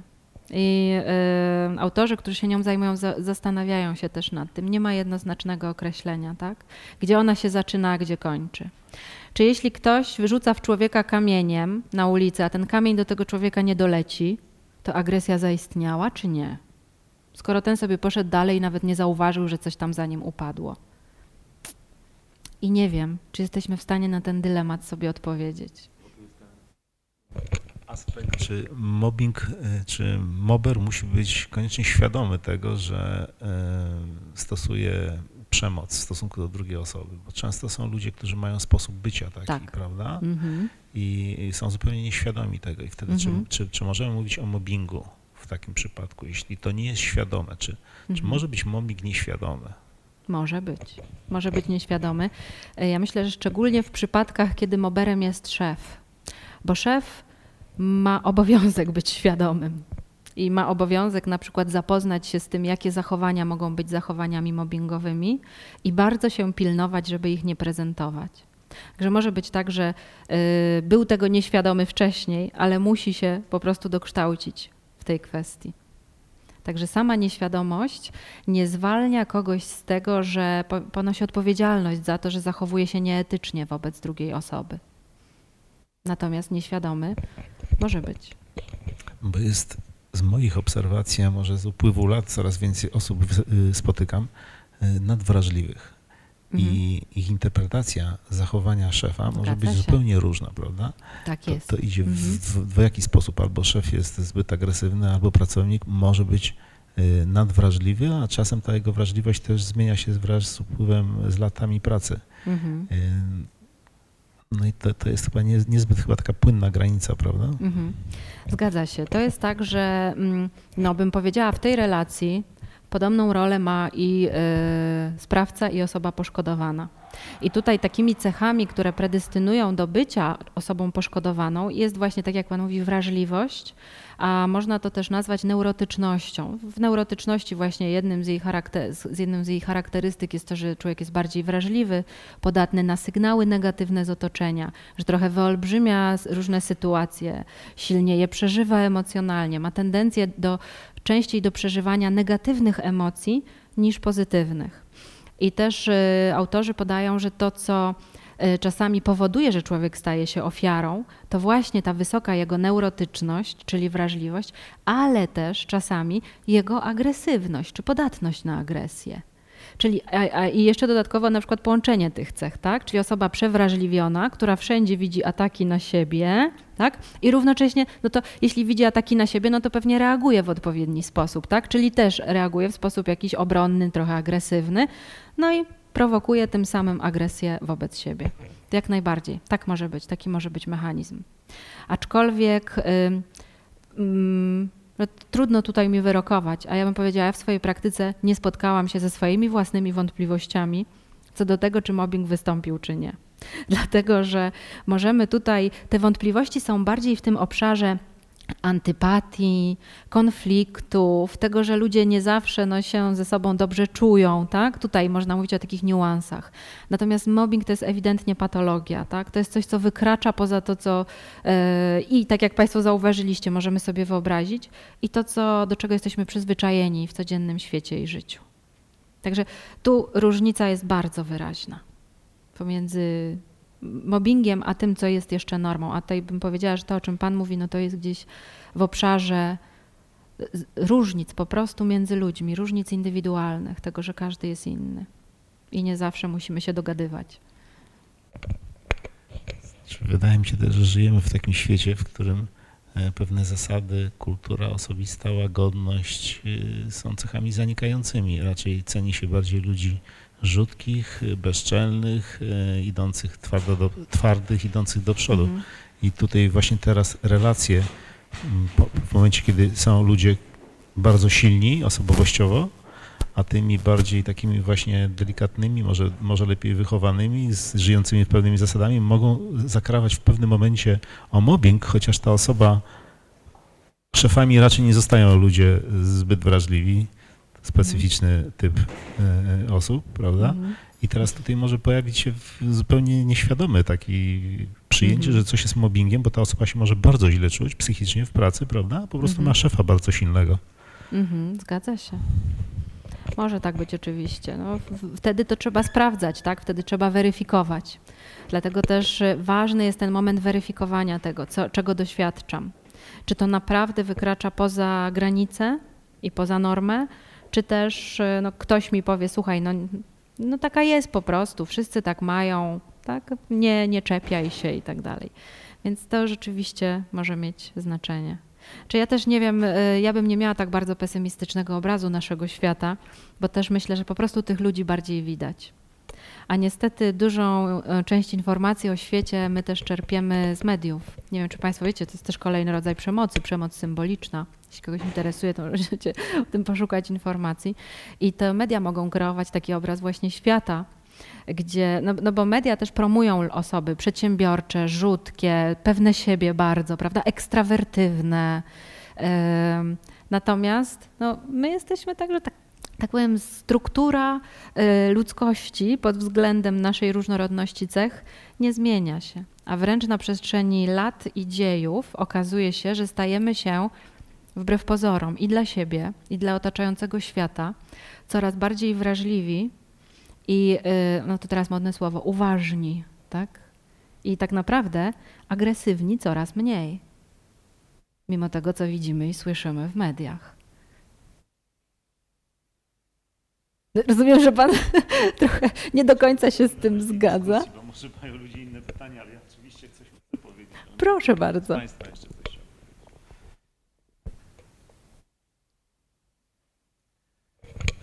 Znaczy coraz mniej zdaje się, y, y, coraz bardziej staje, wychodzi na światło dzienne informacja, że y, osobowość psychopatyczna zaczyna kierować p- m, oso- ludzie z osobowością psychopatyczną Mhm. zaczyna, zaczynają zajmować stanowiska predestynowane, Tak, a wręcz kierownicze. jest Mhm. informacja taka ostatnio się też pokazała mm, w internecie, że możemy się czegoś nauczyć od psychopatów, jeśli chodzi o ich sposób postępowania w życiu. Mhm.